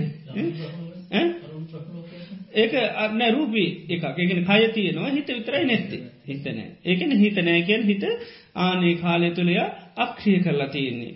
ඒ තමයි සමහරු හිතනවා හිතීම හරි පස්්නයක් හරි දුකක්. හිතට පස්නයනවා මුක්කුම දැන්ව එනිසම හිත පැවැත්වීම හරි වදයක් ඒනි සාමකද කරන්න යා හිතටෙන හැමදේ මයින් කරන්න භාවනා කරන. භාවනා කරලා කරල කල හිතටෙන හැම අර මයික ලයික ලයින් කරල අන්තිමෙනකදන හිස්ස ලොක් වෙලා හිස් වෙලා යන නිරුද්ධ වෙලා යනවා. එතවටමකද වෙන්නේ අන්න නිවනට පත්වනා වගේ තමයි. ඉති ඊට පස්සේ අර ඒ සඳහා භාවනාවක් කරන ඒ ඒ ප්‍රතිඵලයක් හැට ගිල යා සංඥලෝක පුදින. ඊට පස්සේ ඉන්න තාකල් මුකුත්ම දන්නේ නෑ. හරියට පස්නය ඇතිවරු නිදි පෙටිබිව වගේ. එතෝට ඉන්දි ඉන්න කාකල් පස්නේ නෑ. ඇහරුමට වසමක දෙන්නේ ආයත් එන්න වෙනවා. ආන්නේ වගේ තමයි තියෙන්නේ. ඉතින් ඒ නිසා මේ ඒ බ්‍රහ්ම ලෝකොල ඉපදිච්චායටත් ඒකයි මේ ආය නිදහස් වෙලා නැහමක දෙයාගේ අර ඔක්කොම යටපත් ශිරිල්ලක් විසක්කා අර සම්පූර්ණය මයින් කල නැහැ. තන්නා මයින් කරලා නෙවේ ආනේක ඉතේ නිසා මේ ආයයා ඒ ආශික වුණට පස්ස ආයත් මේ තත්වයටම එන්න වෙන නිද හැරනට පස පස්සට එන්න වෙනවන. ඒ වගේම තමයි. නිදි පෙති බිවෝගේ තම සංජසලීතය යනවා කියන්න. භාවනා කරලා අපි සමහරයටත් තිතනවා දැන් මේ පංච පාදානස්කන්දය දුකයින. ඒනි සමකත කර පංචු පාදානස්කන්දය නොදන යන්න භාවනා කරනවා. එදට කියනවා මට භාවනාවේති කිසිම දෙයක් දැනුන්නේ එහෙම කියලා ඒක ඉතින් දියුණුවන්නෙවේ මොකද පංචපාදානස්කන්ද නිරුද්ධ කරන එකක්න මකද කරන්න ඕනි? අන්න අවබෝධ කරගන්න ඕනික ඒක හිත නිරුද්ධ කරන්න. හිත මකද කරන්න? පරිින්්ඥය පිළිසින්ද අවබෝධ කරගන්න හිතේ තියෙන ස්වභාව හඳුනාගෙන එත හිත තියද්දිම හිතට කල කෙරෙනවා. හිත තියද්දිම හිතර මොකද කරන්න? කල කිරෙන කල්න කරනොට අර විඤ්ඥානය තියෙන ආසාාවතමයි නැතිවේ නතුර විඤ්ඥාන අල්ලගන්න විඤ්ඥානයට බැඳි යන්නේ නෑ ඒක තමයි කරන්න. ඒකයි දුක දුක පරිින්්ඥය ඒකයි දුකම් පරිින්්ඥයන් නැති කරන්නමකද දුක්ක සමුදේ දුක හටගන්න හේතු හටගනීම හේතුව තමයි තන්නාව. එතට තන්නාව ප්‍රහණය කරන වැරන්න දුක හයින් කරන්නේ. එතට තන්නාව ඊට පස පජංචලින්න කොහෙද? අන්න පංචපාදාන ඒක පංචපාදාන ස්කන්දය පිළිබඳව ප්‍යාදීන බලන කල කෙරෙන්ට අනිත්‍ය වසයෙන් දුක් වසයෙන් රෝගයක් ගණුවත් තුවාලයක් අපිරියාවෙන විදියට බලන. ඒ බලනකොට අර තන්න හමකද වෙන්නේ? ආනිතරී ආනයින් වෙලා යනවා. තන්නහාවට අන්න පජිංචි අතාරෙන්ඩු නොකද ඇලෙන්න්නත දෙයක් පේන්නෙම නෑ ආන්නක ඉති ඒ විදිහට අර මේ ඒ ලෝකවල කරමයක් අනුවතම පදිනි ති කර්ම සත්‍යයක වෙනකම් ඉන්දුවන් ඒකයි. දෙන්නගේ ප්‍රශ්න දෙකක් මම එකවර ඉදිරිපත් කරනවා. ස්වාමීන් වහන්සේ අට්ටික සංඥාව සම්පූර්ණ ඇටසැකිල්ල ලෙස බලන විට සිත විසීර යන ගතියක් ඇති වෙනවා. ඒ විට ඇටසැකිල්ල කොටස් වශයෙන් බැලුවා. හිස් කබල උරස අත් ආදී වශයෙන් අට්ටික සංඥාව මෙලෙස බැලීමට පුළුවන්ද? ඒ එසේ කරන ක්‍රමය කුමක්ද? ඊළඟ ප්‍රශ්නේ ස්වාමීන් වහන්සේ අට්ටික සංඥාව භාවනා කරන විට ආනාපානයට සිත ගිය විට එය මෙනෙහි කරමින් ටික වේලාවක් සිටියා. එහි ඇති වරද එකම සංඥාවක එක සිත පිටවා ගැනීමට බැරි වීමද කියා පැහැදිලි කර දෙන්න.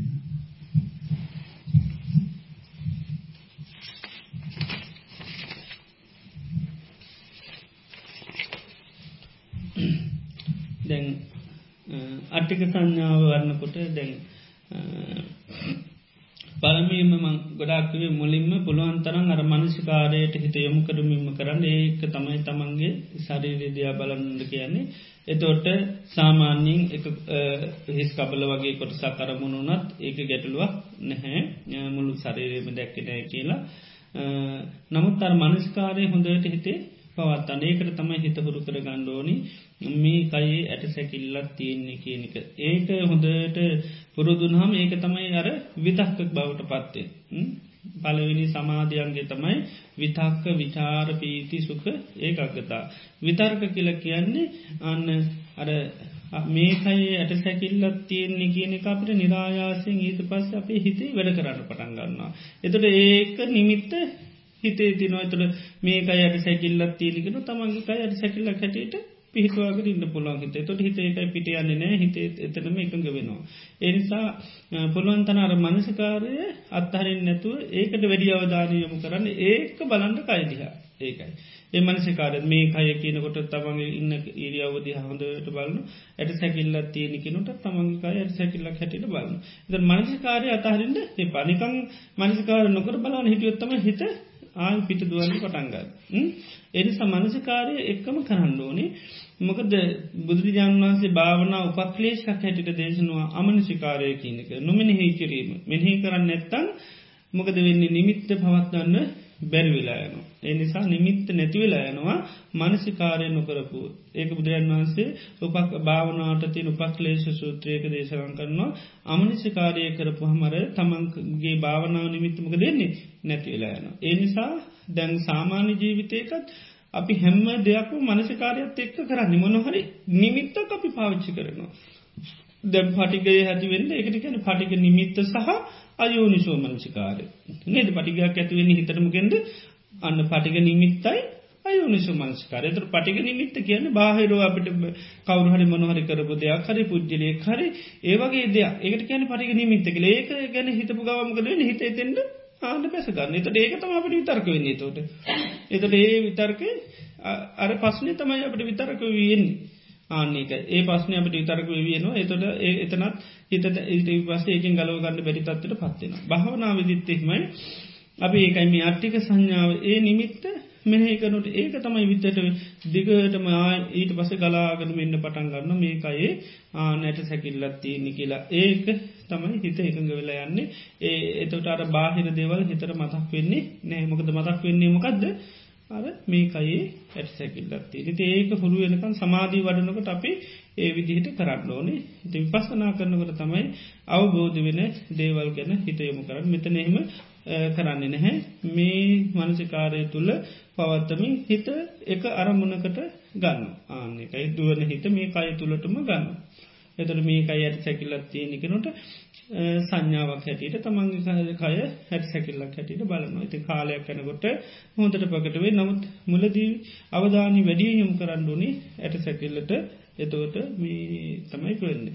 ඉදිනකට දැම්බ මේ අටික සංඥාව කරනවට හිත ගොඩාත් තමාරුන්ගේ තැන්පත්ත රීක්මනට හැබැයි තැන්පත්තේ ජිකාව යන්නෙක හිටට ආස්වාස පාසයට හේතුවයි අර ආස්වාස පස්සාස අපි ගොඩාක් කල් කර භාවනාව දැන් ඒක ද මෙතන හිත තැන්පත් වන ගව සමල්ලට ඔන්න හුස්මට යනමගද හිස්ම ළඟල පුරුද්ධ තිීන් ඉළඟට දැන් එකත් අව තියනවා.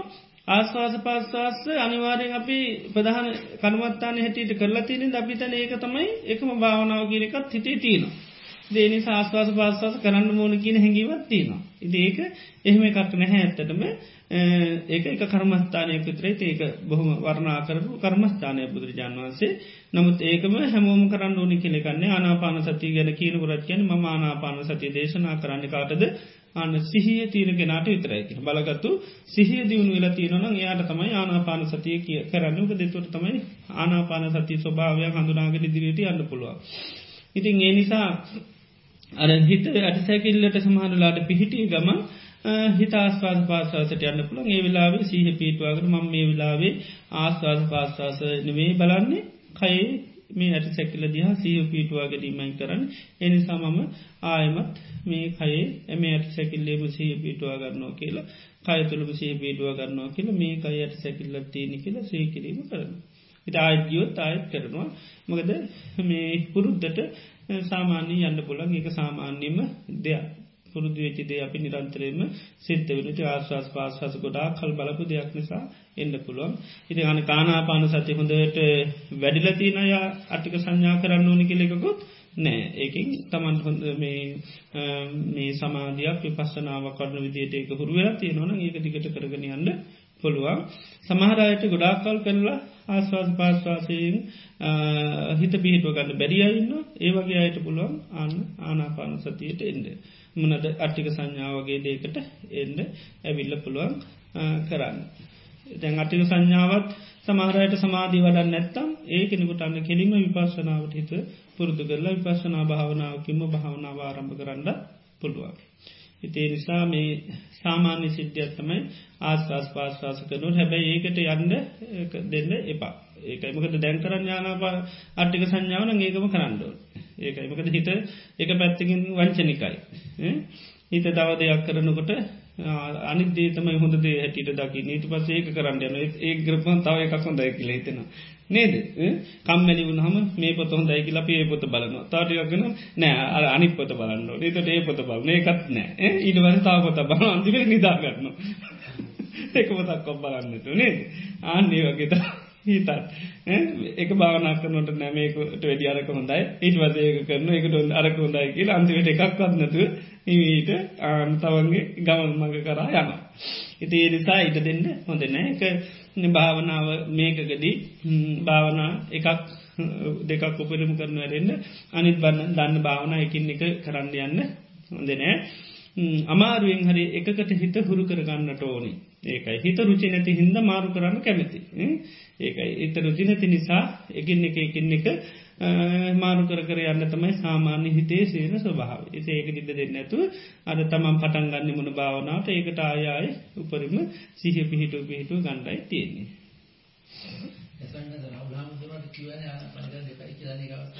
ඕ කෙනෙ ඇහවා ආනාපාන සති වඩන්න කොහොමති කියලා උන්හන්ස දන්න දැන ආබෝධය තියනවා රාහුල් සන්නසට ඒ අමාරු ඒනිසා උන්වහන්සේ යට තේරෙන භාවනතහ මුලින්කිවේ ඉති ඇහුව හින්ද අන්තිමේ දානාපාන සතිය කියනවා. නමුත් ඉස්සල්ලම කියන්නේ ධාතු කර්මස්ථාන වඩන්ඩ ඊට පස්සේ වඩල්ලිකෙනවා මෛත්‍රිය ඊට පස්සේ මේ අනිත සංඥා වඩන්ඩිකි අන්තිමේට ආනාපාන සති ගැන කියනවා. තේනිසා මේ අපිට සමාජගත වෙලා තිය නාපාන සතියවිත නබිහිතන්නේ නිවන් දකින්න තියන අනාපාන සතිය විතරයි. එළෙහෙම එක නැහැතටම ඒක එක කර්මස්ථානයක තර හැබැයි ආනාපාන සතිය තුළ සතර සති පට්ටානුව දියුණු කරන්න පුළුව ප්‍රබල භාවනා ක්‍රමයක්. ඉතින් ඒක හැබැ සිහිතියෙන් දොර නැත්තන් අන්න හඳුරාගන්න මැහැ ඉතිේ නිසා සීය නැති කෙනෙක් ආනාපාන සතිය කරන්න මෝනි කියලනේ අනිත් භාවනා කරගන්න පුළන් හැම භාවනාවකින්ම විමුක්තිය කරා යන්නත් පුළුවන්.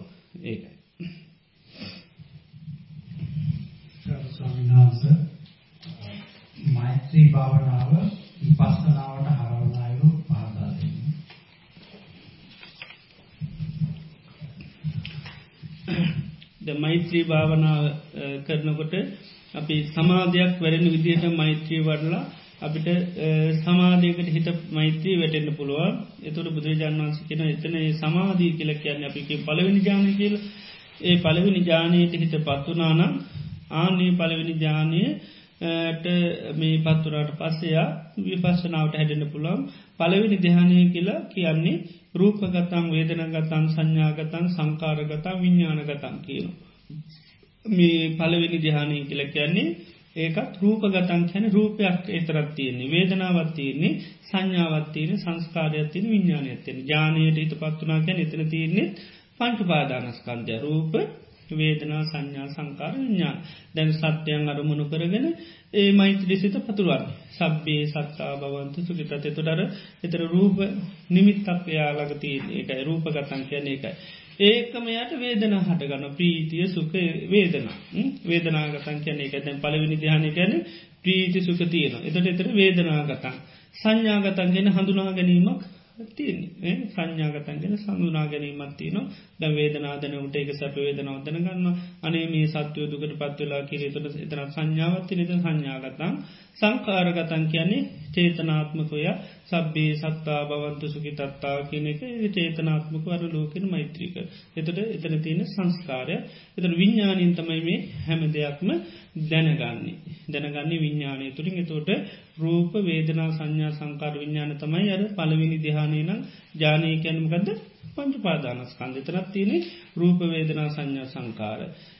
එතොටේ රූප වේදනා සංඥා සංකාර හටගන්න හේතු නිසා හේතු නැතිචි ගම ඒකත් නැතිවෙලා යනවා. එතෝට අර සාාවකයා දැන් තමන්ගේ හිත හොඳට මල්ලගෙන ඉන්න තැනමකද ජානය හිත දැන් අල්ලගෙන ඉන්නේ ජානයට හිත වැටිලා. එතොටේ ජානය කියන එක හට හඳුනාගන්නවා මෙතන තියන්නෙත් රූපවේදනා සංඥා සංකාර විඤ්ඥාන ඊට පස්සේයා ඒවා විපස්සනා කරනවා ඊට පස්සේ. මේ රූපයත් අනිත්‍යයි.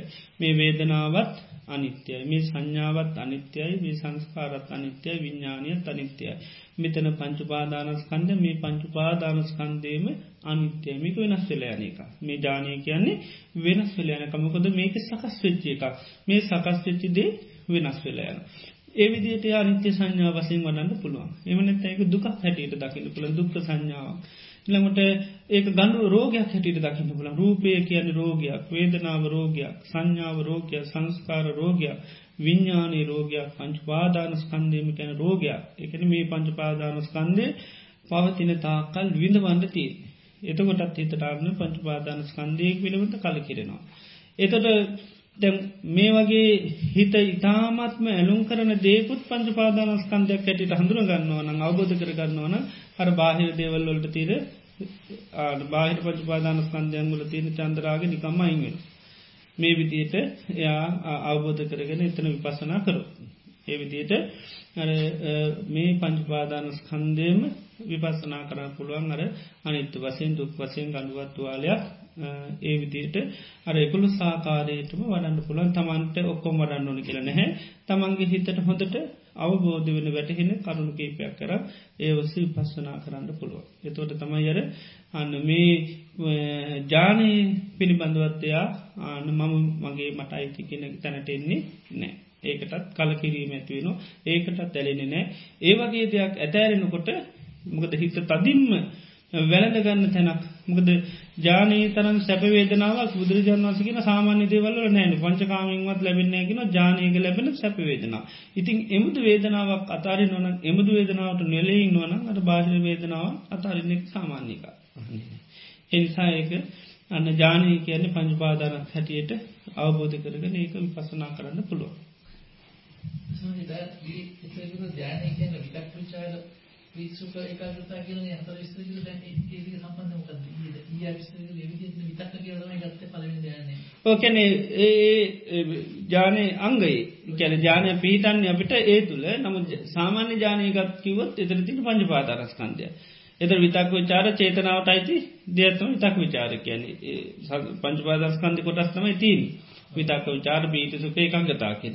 ඒ අර ජානයක තියන ලක්ෂණය කියන ජානයක් හිතට එනකොට ඒ ඔස්සේතම ඒ සිත සමාධිගත වෙලති. අපි විතක්ක විචාර බීති සුකේ එකංගතත්ක තිීන්. ඒකයි. සාමාන්‍යින් ඒ ජානයකති නංග දැන් ධ්‍යානයකිනක වචනයකි වොත් ඒක පංච පාදානස්කන්දය. ඒක පලවිනි ධ්‍යාන දෙවනි ධ්‍යාන තුන්ගනි ධ්‍යාන හතර ධ්‍යානත් අරෝපාවචර ගත් ඒවත් පංච පාදානස්කන්දක හැබැයිතර රූපස්කන්දය කතා කරන්න වේදනා ඊළඟට සංඥා සංඥා චේතන සංකාර විඤ්ඥාන හතර. එතට අරුපාවචර ජානයකට පත්ල කෙනෙක විපස්සනා කර නොන රූපස්කන්ධී පසනා කරන්න මකද කල්ලතු අතැල්ලන්තින් ඒ එයා හමි අර වේදනාවත් සංඥාවත් සංස්කාර පිඥානත්තම පස්සන කරන්න. අපි වැකට ෝකල්ක රූප ඉතර පහල කියල හැ ඔව්. රූප පිළිබඳ සන්න තර කියන්නේ ඕ අපි මෙමයි අපි අර දැන් අපේ හිත සමාධිගත වන වෙලාවක අපිට ඒක මේ පංච පාදානස්කන්දයක් හැටිට ගන්න පුළො ඇරගෙන ඒක විපස්සනා කරන්න පුළො හිත එක ගුණ හම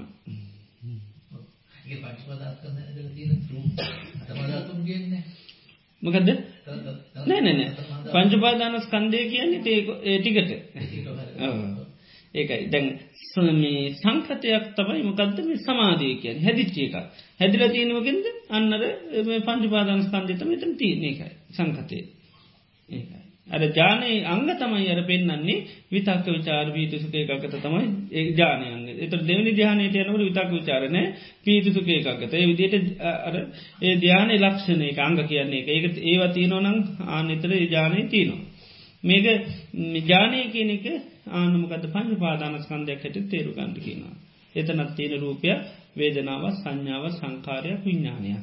ඒකයි අපි ධ්‍යානහිත කියල පවත්තන්නේ රූප වේදනා සංඥා සංකාර විඤ්ඥාන. ආනේ පංචපාදාන ස්කන්දේ එතට අපි හිත බැදි චිතන එතන. එතට හිත ඇලුම් කරනවා ගොඩා පංචපා ඒකට. ආනේ ඇලුම් කරනදේ තමයි මේකත් පංචපාදානස්කන්දය මෙතනත් තින අනිත්‍ය දුකනා මේම නැත මේකත් රෝගයක් ගණුවත්තුවාල ඒ විදියට බල්ලකරමකද වෙන්නේ? ඒකට හිත කලකිෙනවා.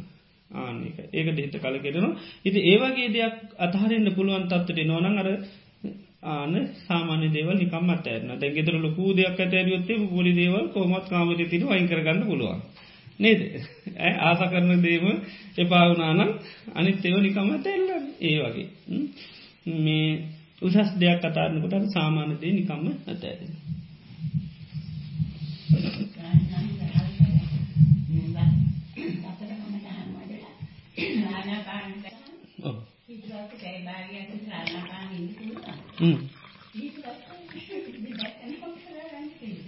ඔව්. එතට විදර්ශනා කරන්න ඉතින් අර ආනාපාන සතිය උදේ. අමර මංකිව ආහාර වසයෙන් ගැන මේ ආනාපාන සතිය තියෙන් අපේ කයින් එතර මේ ආස්වාස් භාස්වාස සහිත කය මොකක් නිසාද පවතින්නේ කියලා අර මේ දැන් අපි හවසට ඒ කරනවා ආහාර හට ගැනීමෙන් තමයි හටගන්න. ආහාර නැතිීමෙන් නැතිව. එතෝට ආස්වාස් පාස්වාස කියන්නෙත් හේතු පල දහමකට අයිතිකක් හැටිට අපට අවබෞධ කරගන්න පුළුව. ඒම නැත්තං ආනාපාන සතිය තුළ අපිගම සමාධිගත උනානහිත ඒ සමාධිය හිතට සීහපිටකට දැම්මගේ හිත හොඳ සමාධිගත වෙලා තින මේ සමාධී ගැනමකක්ද. ආන මෙතන තියෙන රූප වේදනා සංඥා සංකාර විඤ්ඥාන. එතවට දැන් ආස්වාස පාස්වාස නැමති රූපය මුල් කරගෙන අන්න භාවනා කරනකට ඒ තුළ වේදනා සංඥා සංකාර සකස් වෙල දැන් හිත සමාධිගතුලට සමාධිකන මෙතන තියෙන්නේ රූපයක් වේදනාව සංඥාව සංකාරයක් විඤ්ඥානය. එතොට ඒවා ඊට පස්සේ අර අනිත්‍ය වසින් දුක් වසේ ආන සිහි කරන්නට පුල් තියෙන මේ රූපය කියන්නේ වෙනස් වෙන මේ විදීමත් වෙනස් වෙන මේ සංඥාවත් අනි වෙනස් වෙන. අපි ජානය දැන් අපිට නැති වුණයි කියලා. දැ සමාරයට සමාධී නැතිවෙන තොට දුක්වෙන මට දා සමාධයක් වැඩුණා. එකනී නැති වුණානේ. එතොට දුක්වෙන්නේ ඇයි සමාධීකෙන් පංජුපාදානස් කන්නේ ආනේ ඒ කල්ලන්න ඇතකොට එහෙම කියන නේද? එක දවසන්න සමාධයක් ඇතිවුණ අනිය පොයි අයන ඒක නේද? ඒ විදිර සමාධිකත උන්නෑන තාම. ති මොකද ඒ වෙලා හේතු නිසාටගත්ත ඒ හේතු ඇතිවුණ ගම නැති ආය සමාධී ඇති එන්නේ නෙන්ද ආන්නේකයි මක දේක හේතු පල දාම ඉති ඒවිදිට අපි බැලුව සමාධී නැතුවනනගේ අපිට අනිත්‍යයයි සමාධිකයන අනිත්‍යයමක දේක පංච පාදානස්කන්දය හේතුවට ගැනීමෙන් හටගන්න හේතු නැතිවීමේ නැති වෙලා යනවා. හේතු පල දහමට අයද්‍යත්තා පංච පාදානස්කන්දය කියන්නේ. හිට ඒ විදියට විපසනමට හරවන් ඒකෝ පරිච සමුපාද වසෙන් බලන් එහම නැත්තම් ආයතන පංචු පාදාරස්කන්ද වසෙන් බලා ඒ දෙකෙන් තමයි බලන්න. ඒකෝ පටි සම්පාද වසක හේතු පට දහමක් ඇටිට මේ හිත එක මේ කයතුළ සහ පීටර මේ ආස්වාස පාස්වාස සහිත මේ කය කුමක් නිසාද හටගත් දැන් ආස්වාස පාස්වාස දැනීම ඒ ස්පර්ශයන්නේ ස්පර්ශ හට ගැනීම හටගන්න ස්පර්ශනැතීමේ නැතිවෙන විඤ්ඥාන නිසාතම දැරන්නේ එතනත් ඒක ආහාරහට ගත්තු ත්‍රාස්වාස පාස්වාද තේන ආහරණ තිතිකල් නැතිලයන. අපි මෙතන සමස්ථකයිම ගන්නවා.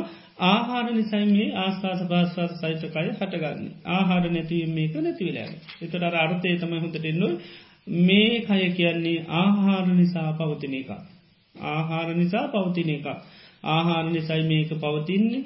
ආහාර නිසයි මේකට දේවල් දැනෙන්නේ. ඔක්කොම ආහාර හටගත්තුත් ආහාර නැතිවිච්ච ගමන් ඒව නැතිවිලෑන එතට හේතු හටගත්තොත් කය හටගන්න හේතු නැතිවීමෙන් නැතිවිලෑන එතට හේතු පල දහමුට අයද්‍යයක් විසක් අන්න මම මගේ මට අයිති කියන හැඟීමක් ඇති කරගන්නේ නැතුවන්න පුලො බගත මේක අයිති හේතු බල දහමට තමන්ට අයිතියක් නෑ ඒකයි. ඒක අවබෝධ කරගන්න තමයි අන්න විපස්සනා කරන්න පුළොන් ආනාපාන සති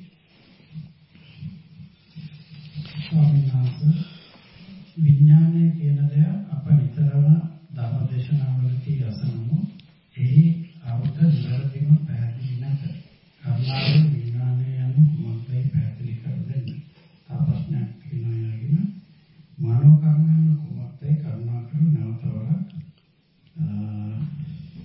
නැවත මතක් කර දෙන්න. මනෝ කර්ම වැඩිම වැඩිම බලපාන්නේ මේ භවයටද නැතිනම් පෙර භවයක් පිළිබඳව.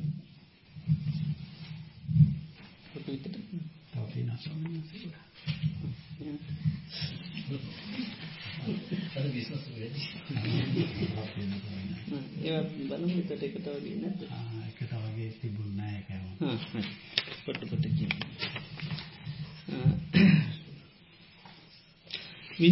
කියලක් ගැන විජානාතීතිකෝ භික්වේ තස්මා විඤ්ඥානන්ති උච්චති. දැනගන්නවා කෙනක්තයෙන් තමයි විඤ්ඥානය කියලා කියන්න. මකද දැනගන්න කියනන් තිත්ත කියල දැනගන්න ෆෙන්ඩ සයි කියල දැනගන්න කටුකායි කියල දැනගන්නවා. එතොට අරමුණක තියෙන ස්වභාවය දැනගන්න විඤ්ඥානය තමයි. එතට දිව දිව සම්බන්ධයව ගත්තොත් ඒකයි දිවට දෙයක් ප්‍රසේ දැනගත්ත ගමන් ආන්න ඒක තිත්තයි කියල දැනගන්න විඤ්ඥානය හඳුන ගැනීම සංඥායන් කරන්න දේ හඳුන ගන්නවා විඤ්ඥානින් තමයි දැනගන්නේ ඒක හඳුනා ගැනීම බුදුරන් වන්සිකෙනවා වෙන් කරන්න බෑකින එකට තියෙන්නේ එකට තියෙනවා යන් සංජානාතියමක් හඳුන යම් වේදේතියමක් විින්දීත සන් සංජානාතියක හඳුන ගන්නවා යන් සංජානතියමක් හද තම් විජානාතියක තමයි දැනගන්න කියනවා. එතකොට අර අරමුණ බුද්ධ විඳලාම දැනගන්න විඤ්ඥානය තමයි. ඒකයි මේ ආයතනයන්ගින් ලබන අරමුණු බුද්ධ විදින කෙනා කියන කවුද? විඤ්ඥාන ඒකයි නගර ස්වාමයක් කියන්නේ. එක අයිතිකාරය. යතම බුද්ධි විදින ඒකයි ඇහැට රූපයක් දැනගත්තහම ඒකයි චක්කු විඤ්ඥානික නැහ. ඇහැට ඇහැට බුරට ඒක දැනගන්නේ නැහ. චක්කු විඤ්ඥාන හටගන්න ඕනි. ආනකයි කනට සද්‍යහුණට දැනගන්න බෑ. දැනගන්නමකින්ද ආන සෝත විඤ්ඥානි ඒකයි විඤ්ඥානයෙන් තමයි ඒක තියෙන දේ බුද්ධියම හොඳටම දැනගන්න. ඒකයි. ඒ නිසා මේ විජානාතීතිකෝ දැනගන්නවා කි නත්තෙන් තම විඤ්ඥානය කියල කියන්නේ සංජානාති හඳුනගන්නවා කි නත්තෙන් තමයි සංඥාව කියන්නේ.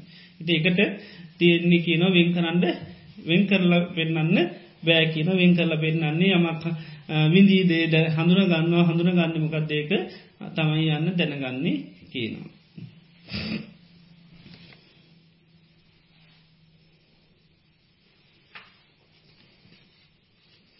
මනෝකර්ම කියන්නේ හිතින්ම කරන දේවල්. කය සම්බන්ධ කරගන්න දෙයකුත් නෑ වචනය සම්බන්ධ කෙරෙක්නෑ මනසිම්ම දෙයක් කරන්න පුළන් එක තමයි මනෝකර්ම කියන්නේ. කුසල කරන්න පුළන් අකුසල් කරන්න අකුසල් තමයි දිස්තිවීම මනෝකර්මයක් අන් සතු දේවල්වලට ආස කරනවන හිති ඒක මනෝකර්මයක් මිත්‍යය දෘෂ්ටිහිතය පවත්වනවන ඒවා මනෝකර්ම අකුසල පැත්තිෙන් කුසල පැත්තිෙන් මෛත්‍රී දියුණු කිරීම මනෝකර්මයක් ඊළඟට නෙක්කාමේ දියුණු කිරීම මනෝකර්මයක් ඊළඟට අව්‍යාපාද සිතිවිලි පවත්වන ඒවක්කොම මනෝකර්ම බවට පත්වෙනවා. එතවට සම්මාධිට්්‍යය ගැන්නේ මනෝකර්මයක්. එතට භාවනා කිරීම තුළ ඔක්කෝම මනෝකර්ම භාවනා කරන්න බෑ කයට විතරක් වචන මනසින් තමයි සම්පූර්ණ භාවනාව කියලක කරන්න එනිසා භාවනාව සම්පූර්ණ මනෝකර්මය. ඉතිං මේ කුසල් අකුසල් දෙකේ මෙතකොට බලගතුමදේ මනෝකර්මය තමයි බලගතු මොකද හරියටම කෙරෙනවා. තිතටම සිද්ධ වෙනවා. එනිසා තමයි ඒක බලගතු මොකද කායකර්ම කය යොදෝල තිබට හිතකොවත්නම් ක්‍රියාව වෙද විතරයි. ආන ක්‍රියාව විතර අපි සමාටගෙන දානයක් දෙන මොනවර හිත හිත. ඉතින් ඔහේ ගිල්ල පාදනක වෙදනවා ඒනට හිත වෙනකවත්. එතකොටක දෙන්නේ ක්‍රියාවනාට කර්මය වෙන්නේ බෝම සුළුවේ ආන්නක. නමුත් කෙනෙකුට දෙස්තීරවා. එතනදී පුළුවන්ද හිත යෙදෙන්න්න ඕනි දෙස්තියන්න නැත්තම් බෑ. දැන් මෛත්‍රියක් පඩන්න ඕනි එතවට හිත යෙදෙන්න්න මොනි මෛත්‍රියන ඒකර වගේ බෑ. ආන්න කය කයෝදෝලනික රූකඩේ වගේ ධර්මයදුවට මේකෙදි බෑ මේකද හිත යෙදෙන්ට මොනි මෛත්‍රී කරන්නම ආන්නේකයි. ඒකයි මෛත්‍රී කිරීම පබල කමේ පිනම් බවටත් පත්වෙන්නේ. අවංකෝම හිත යෙදෙන්ට ඕනි ලෝක සත්‍යයා කරේ ඒ අයිගේ අන්න අර දුක දැකලා ඒකින් හදත හිත උනුවෙලා ඒකින් සෙත් කරන තත්වර හිත පත්වෙන්න ඕන. එතකොට තමයි එන්නේ නැත්තං ඒකත් වචනයෙන් කිවට හංසූ පත්තයෝ කියලා එහමසු වෙන්නේ නෑ ඒක ඒක මනසිම්ම එන්ඩෝඩ එකක්. ඒකයි මනෝ කර්මයක් බවට පත්වෙන්න ඉතින් කුසල් අපසල් දෙකම මනෝකර්ම තමයි බලගතු ඉති මනෝකර්ම ගැන හිටින් කරන දේවල්. ඉතින් දෙස්තියෙනවා නං දේවල්වලට අනවශ්‍ය දෙවලට ආස කරනක්කු මනුකර්ම විච්චා දුට්ටිය පවත්න එකත් මනුකර්ම කුසල පැත්තෙන්කයි මෛත්‍රිය නෙක්කම්ම ආදී දේවල් ලොක්කෝ මයිනේ මේ මනෝකර්ම බවට පත්වන එකයි ලොකුම භාවනාම ලෝක පින තමයි අනිත්‍ය සංඥා වැඩීම. අනිත්‍ය සංඥා වැඩීම එක නෙක්කම්මේට අයිති එකකත් හරන්න දේවල්වල තියන ස්වභාව දකලේ වලි එවසින් දකලේ ආදින දකල අතහරි නොන ආනික තමයි ලොකුම පින්කමට වැඩි පින්කමල් ලෝක නෑ කියනවා. හිත ඒක කරන්න තියන්නේ හිතින් පමණයි. වෙන කොහොමත් කරන්න බෑ. සංගති පස්සෝ කියලා කියනවානේ විඥානයේ ස්පර්ශන ඉස්සලම එන එකක් නේද? මොකද්ද? සංගති පස්සෝ කියලා නේද කියන්නේ? ඔව්.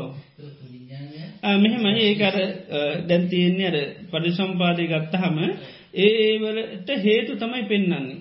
ඒකයි. ඒ නිසා සමල්ලාට උඩින් පහලින් හැමතැනින්ම පෙන්න්නවා. එතොට දැන් සලායතන හටගත්තර පස්සෙන විඤ්ඥානය පෙන්න්නන්නේ එතම දැන් චක්කුම් පඩිජු රූපේ චුප් පජි චක්කු විඤ්ඥාන. එතොට දැන් ඇහැ හටගන්න හේතු බෙලුත් සලායතන හටගන්න නාමරූප නිසා එත නාමරූපය හටගන්නග විඤ්ඥානය නිසා ඒකයි. ඒ දේට හේතු තමයි පෙන්න්න න්‍යාසන්න හේතු නමුත් දෙයක් වෙනකොට එක වැඩ එක සැනික වෙන දෙයක් ඒකයි. ඉතින් එක අවබෝධය සඳහ තමයි පෙන්න්නන්නේ නමුත් හේතුගත්තොත්තේම නාමරූප නිතරම විඤ්ඥානයට හේතුන විඤ්ඥාන නිතර නාමරූපොලට හේතුනවා. ඉතින් මේක අපිට ක්‍යාකාරිත්‍යයක් හැටිට ගත්තාම අභ්‍යන්ත්‍රික වෙලා තමයි අපිට එලියටෙන්නේ. ඒකයි ආයතනය කියැනෙ. ආයතනයේ ආයතනයක දෙයක් හදනකොට ආයතනයේ ඇතුළින් නොකවුද. කම්කරුව ඉන්න ඉළඟට අධ්‍යශකමට ඉන්න ප්‍රධානයන්න ඒ තුන්ගල් එකතු වෙලා තමයි හතල එලියට දාන්න. එත එඩිට දම්මට පස තමයි අනි අනිතයට හම්බියෙන්නේ පැකට්ටේදට ගිහල කනවා. එතර කනකොට අය තේරෙනවා. ඒ රස තේරෙනවා අරුවම ටික තේරෙනවා නේද? ඒවගේ තමයි අපිටත් ආයතන ඇතුරෙන් අතර දීපුහම් අන්න පැකට්ක ලීන එතුර පස වන්න අපට වේදනාවක් ඇති න තන්නාවක් ඇති නායක ඒටික වෙනවා. ඒ නිසා ඒක යම් වේදේති සන් සංජානාති යම කඳුනගන්නේ යන් සංජානාති යම කඳුනගද තන් චේතේති චම්ප පංචේති තම් විදක්වේදි ගීක ගැන ඒකයි. ඊට පස්සයට පෙට්ටි ගැලවට පසිටිකයි ඊට පස්සේ ආනක පාසලේ අතුරෙන් හදලතමයි දෙන්න හැදිච්ච පාසලේ මොකක් වුණත් කමන්න හදල දුන්න හිද කනවා. ඒ නිසා ආයතනයට පේන්නමකක්ද ඒක දුකක්ද සැපත්තු මේකක් නෑ. හැම එකම ලිහිලිය පාච්චි කරන එක තමයි ස්වභාවය. ඉති මොකද ආයතනය ඇතුළේ දන්නේ නෑ. කවුද හදර දෙන්න කියලා දන්න නෑ. හිත ඒක තම ඔවු. ඔවු. යට හිටියට. ඒකයි. ඉති ඒකයි මේ හේතු. හේතු පෙන්න්නන්නේ ස්පාර්සයට ආසන්නම හේතුමකන්ද සලායතන සලායතනයට හේතු තමයි නාමරූප නාමරූපට හේතු තමයි විඤ්ඥාන ආනක විඤ්ඥානයට හේතුවයි නාමරූප කියෙන නැත්තම් සංස්කාර කෙන කෙන සකස් වෙති ජයත්තුලතා විඤ්ඥාන තියෙන්නේ. ඒකෝටම හේතු අවිද්‍යාව. එතොට ආනුකෝම අවිද්‍යාසාගත නගර ස්වාමියත් මෝලේ ඊට පස්සේ කම්කරු කොහොමත් මෝනයි ඉනක රද්‍යසම් හන්ඩල මෝනයි ඔක්කොම ටික හතර දෙන පාසල් ඔක්කොම ආන්නේකයි සංසාරය දවල් අජීර්ණ රෝග හැතර තිනව තමයි ඔක්කෝම පාස කල් දෙන දිහලයිති අනව කන කනකොට ඉතින් යම් වේදේති සංජානාද ඒම නැත තන් වේදරාපච්චා තන්න තන්නාපච්චය උපාධන පාදර පච්චා බව. ඒකයි. ඉති මේක අවබෝධ කරගන්න තමයි පෙන්නන්නේ මේ නමුත් අර ඒවා කල්ලතුම ඒ තැන්වල ගොඩක්ව කියන වේදනාව දැන් ඉස්සරලකි නාය නාමරූප තරත් වේදනාව කියන. එත රොක්කොම කියනකට උපදින කියනකට ඔක්කොම කියන ජාති කියනකොට කන්දානම් පාතු බව ආයතන ඔක්කොම කියලා අවසානයි. ඉතින්ගේ හර ඒ ආසන්න හේතුව තමයි කියන්න. ඉතින් අපි ස්පර්ශයක් වෙනකට අපි සිහපී දන්න ඕන. මොකද ස්පර්ශයට ගන්න යන සලායතන. සලාතනය කටගත්තකිව ගවන් ඒක සිහිෙන්ඩු නාම රූප නිසා කියල. නාමරූපය කටගත්තන අපට සී වෙන්ඩෝනි එක විඤ්ඥානයස විඤ්ඥානයක් කියලා කිවන එක නාම රූප. නැත්තම් සකස් වෙච්චි දෙයක්තුළ ඒකයි. ඒ විදිට සීහ පිහිටන්ඩෝඩ. ඒ වේදනාව කටගත්ත ගමම අපිට එන්ඩෝනමකක්ද ස්පර්ශය නිසා. සංඥාව කටගත්ත කිවන ඒත් ස්පර්ශය සංස්කාරය කටගත්තන ඒත් ස්පර්ශය නිසා. රූප හටගත්තන අන්නේ ආහාර නිසා කියෙන තේරු. රීතියක් නැහැ. නෑ මේක එක නට උපකාරය තමයි පෙන්න්නන්නේ ඔක්කම හේතු නිසා තියනෙව කියලා අවබෝධ කරගන්න. ඒදයට ආසන්න හේතුව කියනවා. ඒක තන්නාව කටගන්නවන ආසන්න හේතුව තම වේදනාව. ඒකයි. ඒ විදිහට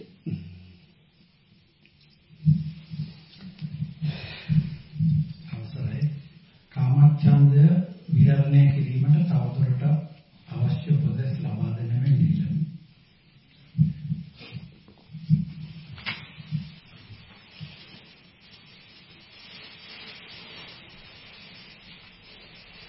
විවරණය ස්වාමීන් විහරණය කාමච්ඡන්දය අයින් කරන්න. විහරණය අයි කරන්න වෙන්නේ. තන් එහෙමයි වහන්සේ. මම දන්නේ ඒක. අහපු කෙනා වෙ කෙනෙක්. විවරණය ආමයට නැති කරන්න කෙනකන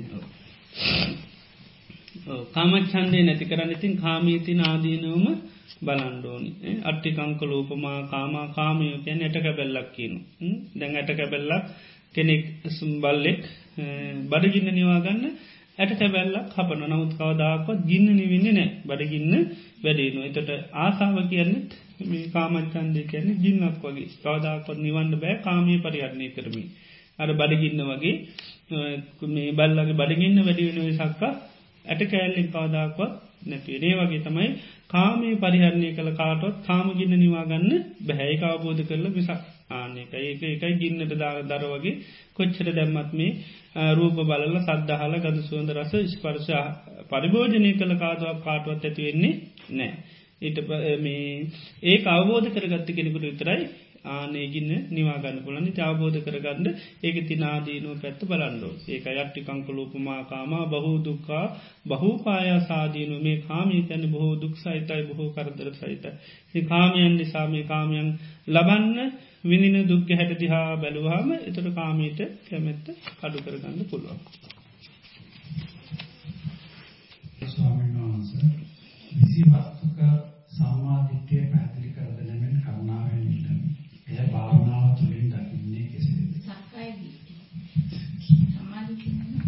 ඒක විශවස්තු වෙන ඇති ඒ අනි පැත් බැල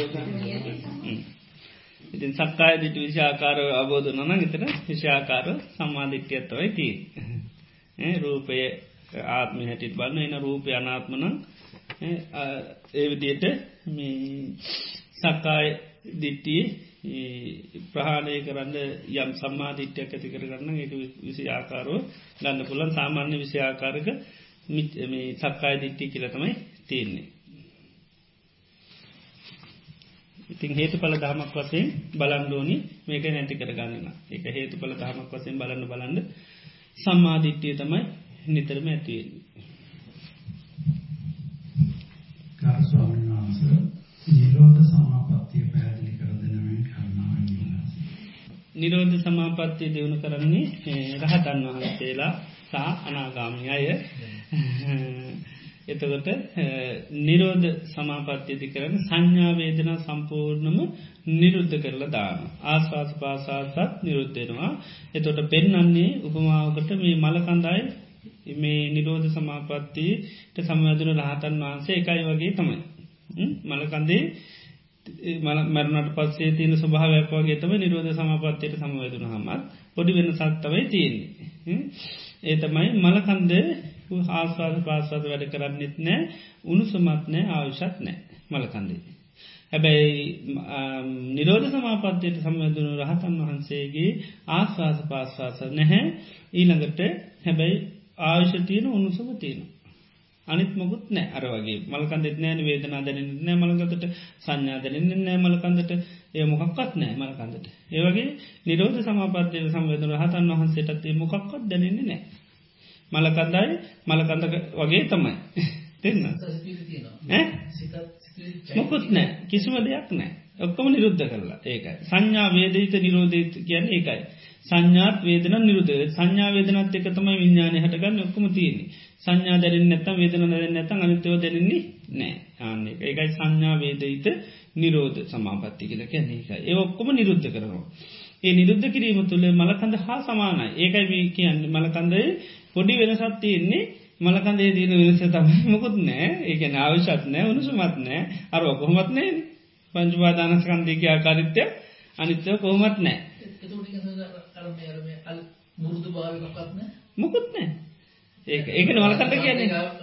මලකන්දක් හා සමානයි ඒක පින් මේ නිරෝධ සමාපත්තියට සමයදුනාම මලකන්දක තියෙන ස්වභාවම තමයි. ආය ගීල කැපුවත් මොකුත් නෑ. නෑ දැනෙන්නේ ඒකයි. ඕ මුකුත් මුකුත්ම නෑ. නෑ.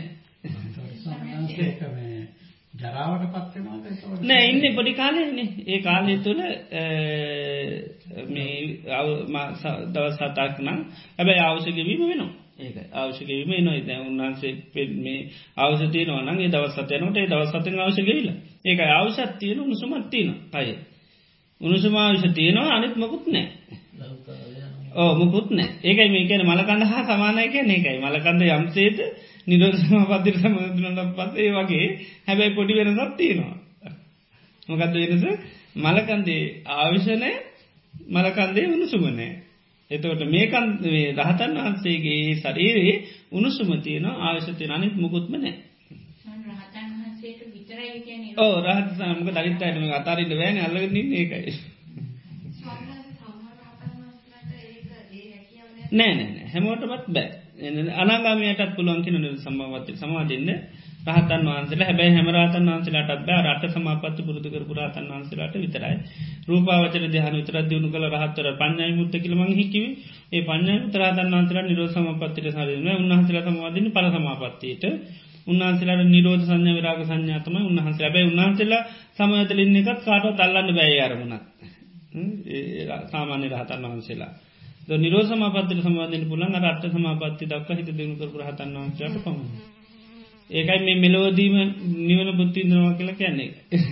නිරෝධ සමාපත්තයේදී එක සම්පූර්ණම පංචපාදාන ස්කන්දය වෙලා නිරුද්ධ කරලා තියන්නේ. ඒ කාල පාසේට ඇබැයි ඒ සමාපත්තිය ඉතින් උන්නාන්සලයි කාලයක් අධිෂ්ඨාන කරගෙන ඔක්කෝම සකස් කරගෙන තමයි සමවාදන තොට වේලාව අනුව ඊට පච්චායි ආස්වාස් පාසත දැරල සංඥා වේදනවලට අයනවා උගට බෞතරයක්ම පුළුවන් අයන්න ටික නැතියි ගිහිල අපහු විඤ්ඥානය නැ නිරුද්ධ කිරීමක් කියන්නේ ඒ කාල එද නිරුද්ධ කරනවා. ඒකයි. දැන් ඕ ඉදගෙන පරියන්කයක තමයි ඉන්නේ. සමහරු මලකඳ කියල ගෙන තියෙන අවස්ථා තියෙනවා. මේ සුමේ කවුද? කපසඳ බුදුරජාණන් වහන්සේ කාලේ ඒ ස්වාමන අග්‍රසාාවකයන් වහන්සේ හම ඉට මිනිස්විති අපවත්වෙලා කියලා ඊට පසමකත කරේ? මේ ගීල කතා කර හෙල්ලෝ මුකුත්නෑ මලකදක් වගේ. ඊට පසමකත කර? එහෙම දරදාන ගිරිතිල ගියහන්න ඊට පස්සේ මොකද උන්හන්සේ සමාපත්තෙන් අලු නැකිල අලු ඇගේ මුල ගතදාන පිට පාතිකය තොට මිනිසු කිව අනි අරාමුදුරු ආයමත් ඉපදිලා සංජීව කියල නම් දැම්ම. සංජීව කියන්නේ නැවත ඉපදුනා කියනකයි අපි ගිනි තිලාබ ආමුට ඉපදිලා කියලා. එනිසා සංජීව කියන නම ලැබුණ ඒක. ජීවේ නැවතල් ලැබුණ කෙනකයි සංජීව කියන්නේ. ඉතින් දවස් සතයි කියලා කියන්න ඒක මේ දවස් හතක් තමයි සමවතින්නේ නිරෝධමකද ඇර සාමාන්‍ය කායක ඔරුතු දීම තියෙන්නේ දවස් හතයි ආහාර නැතුව. ඒකයි නිරෝධ සමාපත්තියෙන් නැගිටට පස්සේ ඒ රාතන් වහන්සේට දෙන දාන එදාම ඒ අයට විපාක දෙනවා. ඒ තරම් පබලයි අනිවාරෙන් එයාට එදාම විපාක දෙනවා. බොහම උඳින් ඒ නිසා නිරෝධ සමාපත්තියේදී මේ සමය දිච රහතන් වහන්සේ දුප්පත්ම කෙන හොයාන තම යන්නේ. බොහෝම අසන්න කෙනෙක් යන ඉති අදෙන්ට පුලන් කෙනෙ බල්ල යානකට තම යන්න. ති අදුන්න ගමන් එදාම සමට විපාක නොට කාසුම රත්තන් වන්සටම දීල ඇර හාපු කුමරොක්කොම රත්තනං වුණා. ඉති ඒ වගේ එදාම විවාග ලැබෙන තරම් පෙවල පිනක් ලැබෙන අර දායකයට. ඒ සමාපත්තියෙන් සමවැදිල නැගිටල ගිල්ල පිඩ පාතිගිය බැන්න ලැබුණ පින්නම් පානෝ කියලත් තියෙනවති ඒවයිති අරත් දාන්න. අවසාන ප්‍රශ්න ස්වාමීන් ගරු ස්වාමීන් වහන්සේ කබලින්කාර ආහාර යනු කය බලයන් කර ගන්න ගන්න ආහාරයයි පොතක තිබුණා මේ ගැන ඔබ වහන්සේගේ අදහස කුමක්ද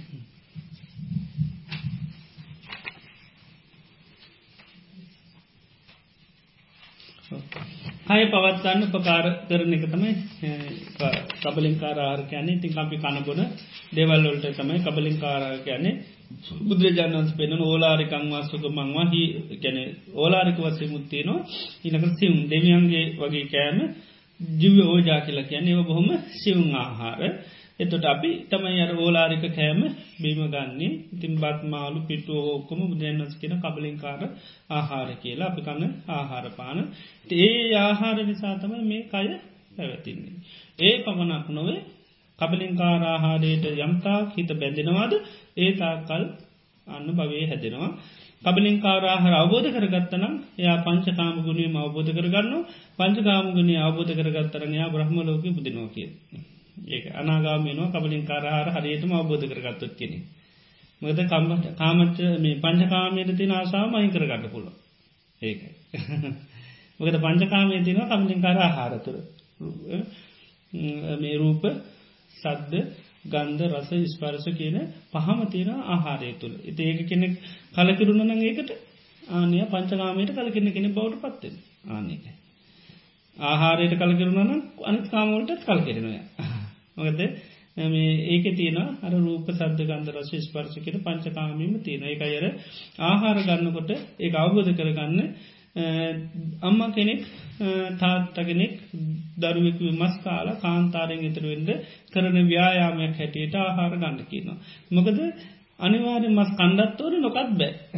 මොකද කාන්තාරෙන් ඉතරෙන් නොරින්ද දරුවගේ මස් කණ්ඩෝට කන්න හොඳ එකක් නෙවේ තමම්ම මනසින් විදුවන තමන්ටම සාපවෙන්න ගිහින් කෙනෙකුට කිව්වත්තු බලවගේ කාලකන්න අමල දෙන්නෙකින්නවා තාත් දරුවගේ මත් කාලදාව කාන්තාරය කියල කාටරකිවොත් ඒ සා නේද? වැනුගාන ඒ වගේ දම්මේ හිතාගන්න පිරි දෙයක්ත්තම කරන්න තිය ඒ වගේ තමයි කෑමබීම ගැනීම තුළත් ඒකයි. එක පැත්තේ බැලුවොත්තේම සංසාරය විදවන දෙයක්ත්තාව කරන්න. කනවා කියලාපි ඒකයි. එති ඒනිසාන්න දැන් කණ්ඩත් වෙනවා. ඒමක පවත්තන්න පෙමේක මේක පවත්තන්න කණ්ඩත් ඕනි. නොකත් ආනේ වගේ තත්ත කෙනි සර මානසිකත් ඇද කරගන්නකින් අම්ම තාත්තම කෘතකන්න. කන්නේ? කාන්තාරෙන් ඉතර වෙන්නම වෙන මුකුත් නෑ. සතුට වෙන්න මේ විනෝද වෙන්න කරන දෙයක් නෙවේ එක මදහස්ස කාන්තාරෙන් ඉතරවෙන්ඩ ආනේ වගේ ආහාරපානවලට ඒ මතයෙන් කණ්ඩ කියන මං මේ කන්නමගේ ජවය මදේ පිණිසනවේ සලීරවරණය ඇති කරගන්න. මේකින් එත වෙන්න මං කරන ව්‍යයාම කියලා. ආනේ විදිහට ආහාර පිළිබඳව දැක්කනමකද වෙන්නර ආහාරයට තින දැඩි ආසාාව චන්දය කැමැත් ඔක්කොම ප්‍රහාණ වෙන එතොට ඒක යා අනාගාමිනෝ කියන්නේ. එතොට යට කරම හැදන්න එකින් ආක. එතොට යා කාම භවයක් හැදෙන්න යට රූප භවේ තමයි හැදෙන්නේ. මෙතනදී අපි අර බලන්නේ මේක කය පවතින හේතු හැටිටම මේ ආහාර හතරම මේක කබලින් කාරආහාර විතරන්නෙවේ කයේ පැවැත්මට සතරාකාරආහාර අවශ්‍යය තමයි කබලින් කාර පස්ස මනු සංචේතන විඤ්ඥාන ඒකයි මෙතන ආහාර අවබධ කරගන්නනේ අපි කරන්නේ කය හටගෙන තියෙනවකන්ත කියලා දැනගන්න. ඒකතයි ප්‍රධාන අරමුණ දිං අපි ආහාර වෙනම කරන්න පුළන් භාවනාවශයෙන් එහම තියෙනවා මෙතනදී කරන්න කය හටගන්න හේතු විමසන එක. හේතු තමයි ආහාර හට ගැරීම මේ කය හටගන්න ආහාර නැතිීමේ නැති එතුට කය හේතු පල දහමක් කියලා අවබධ කරගන්න තමයි ගන්න. එතුට පටිච්ච සම්පන මේ පංචපාදාර රූපය දුකක්න ඒ දුකම කද පටිච්ච සම්පන්න.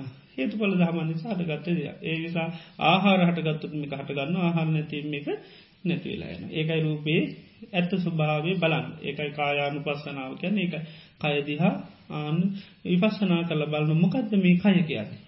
අන මගේ කියලා අපි ගත්තට මට අයිති කියල ගත්ත. ඇත්තට මොකක් නිසාද මේක පවතින්නේ? ඒක තමයි පවතින හේතු අල්ලගන්න. ආහාර හට ගැනීමෙන් හටගන්න ආහාර නැතිීමෙන් නැතිව තොට අපි ගත්තනම් සම්මතයක් දෘෂ්ටියක් හැටිට මේක මගේ කියලා ඒක කැඩෙනවා. මක අපට පේනවා එරි ජුවම මේ නිසයි මේක හටගන්න මේ නිසයි මේක පවතින්නේ. මේක ඒ නිසා හේතු හටගත්තු හටගන්න හේතුව නැතිවීම නැතින මේක පාලනය කරන්න අයිතිය මුකුත් නැති බව හොඳටම තේරෙනවා. ආනක එනම් හොඳයි. සැම දෙනාටම තතාගතයන් වහන්සේගේ මේ ධර්මය අවබෝධ කරගන්න මේ ජීවිතේම පහසුවෙන සැලසේවාට ලබ ආශිර්වාද.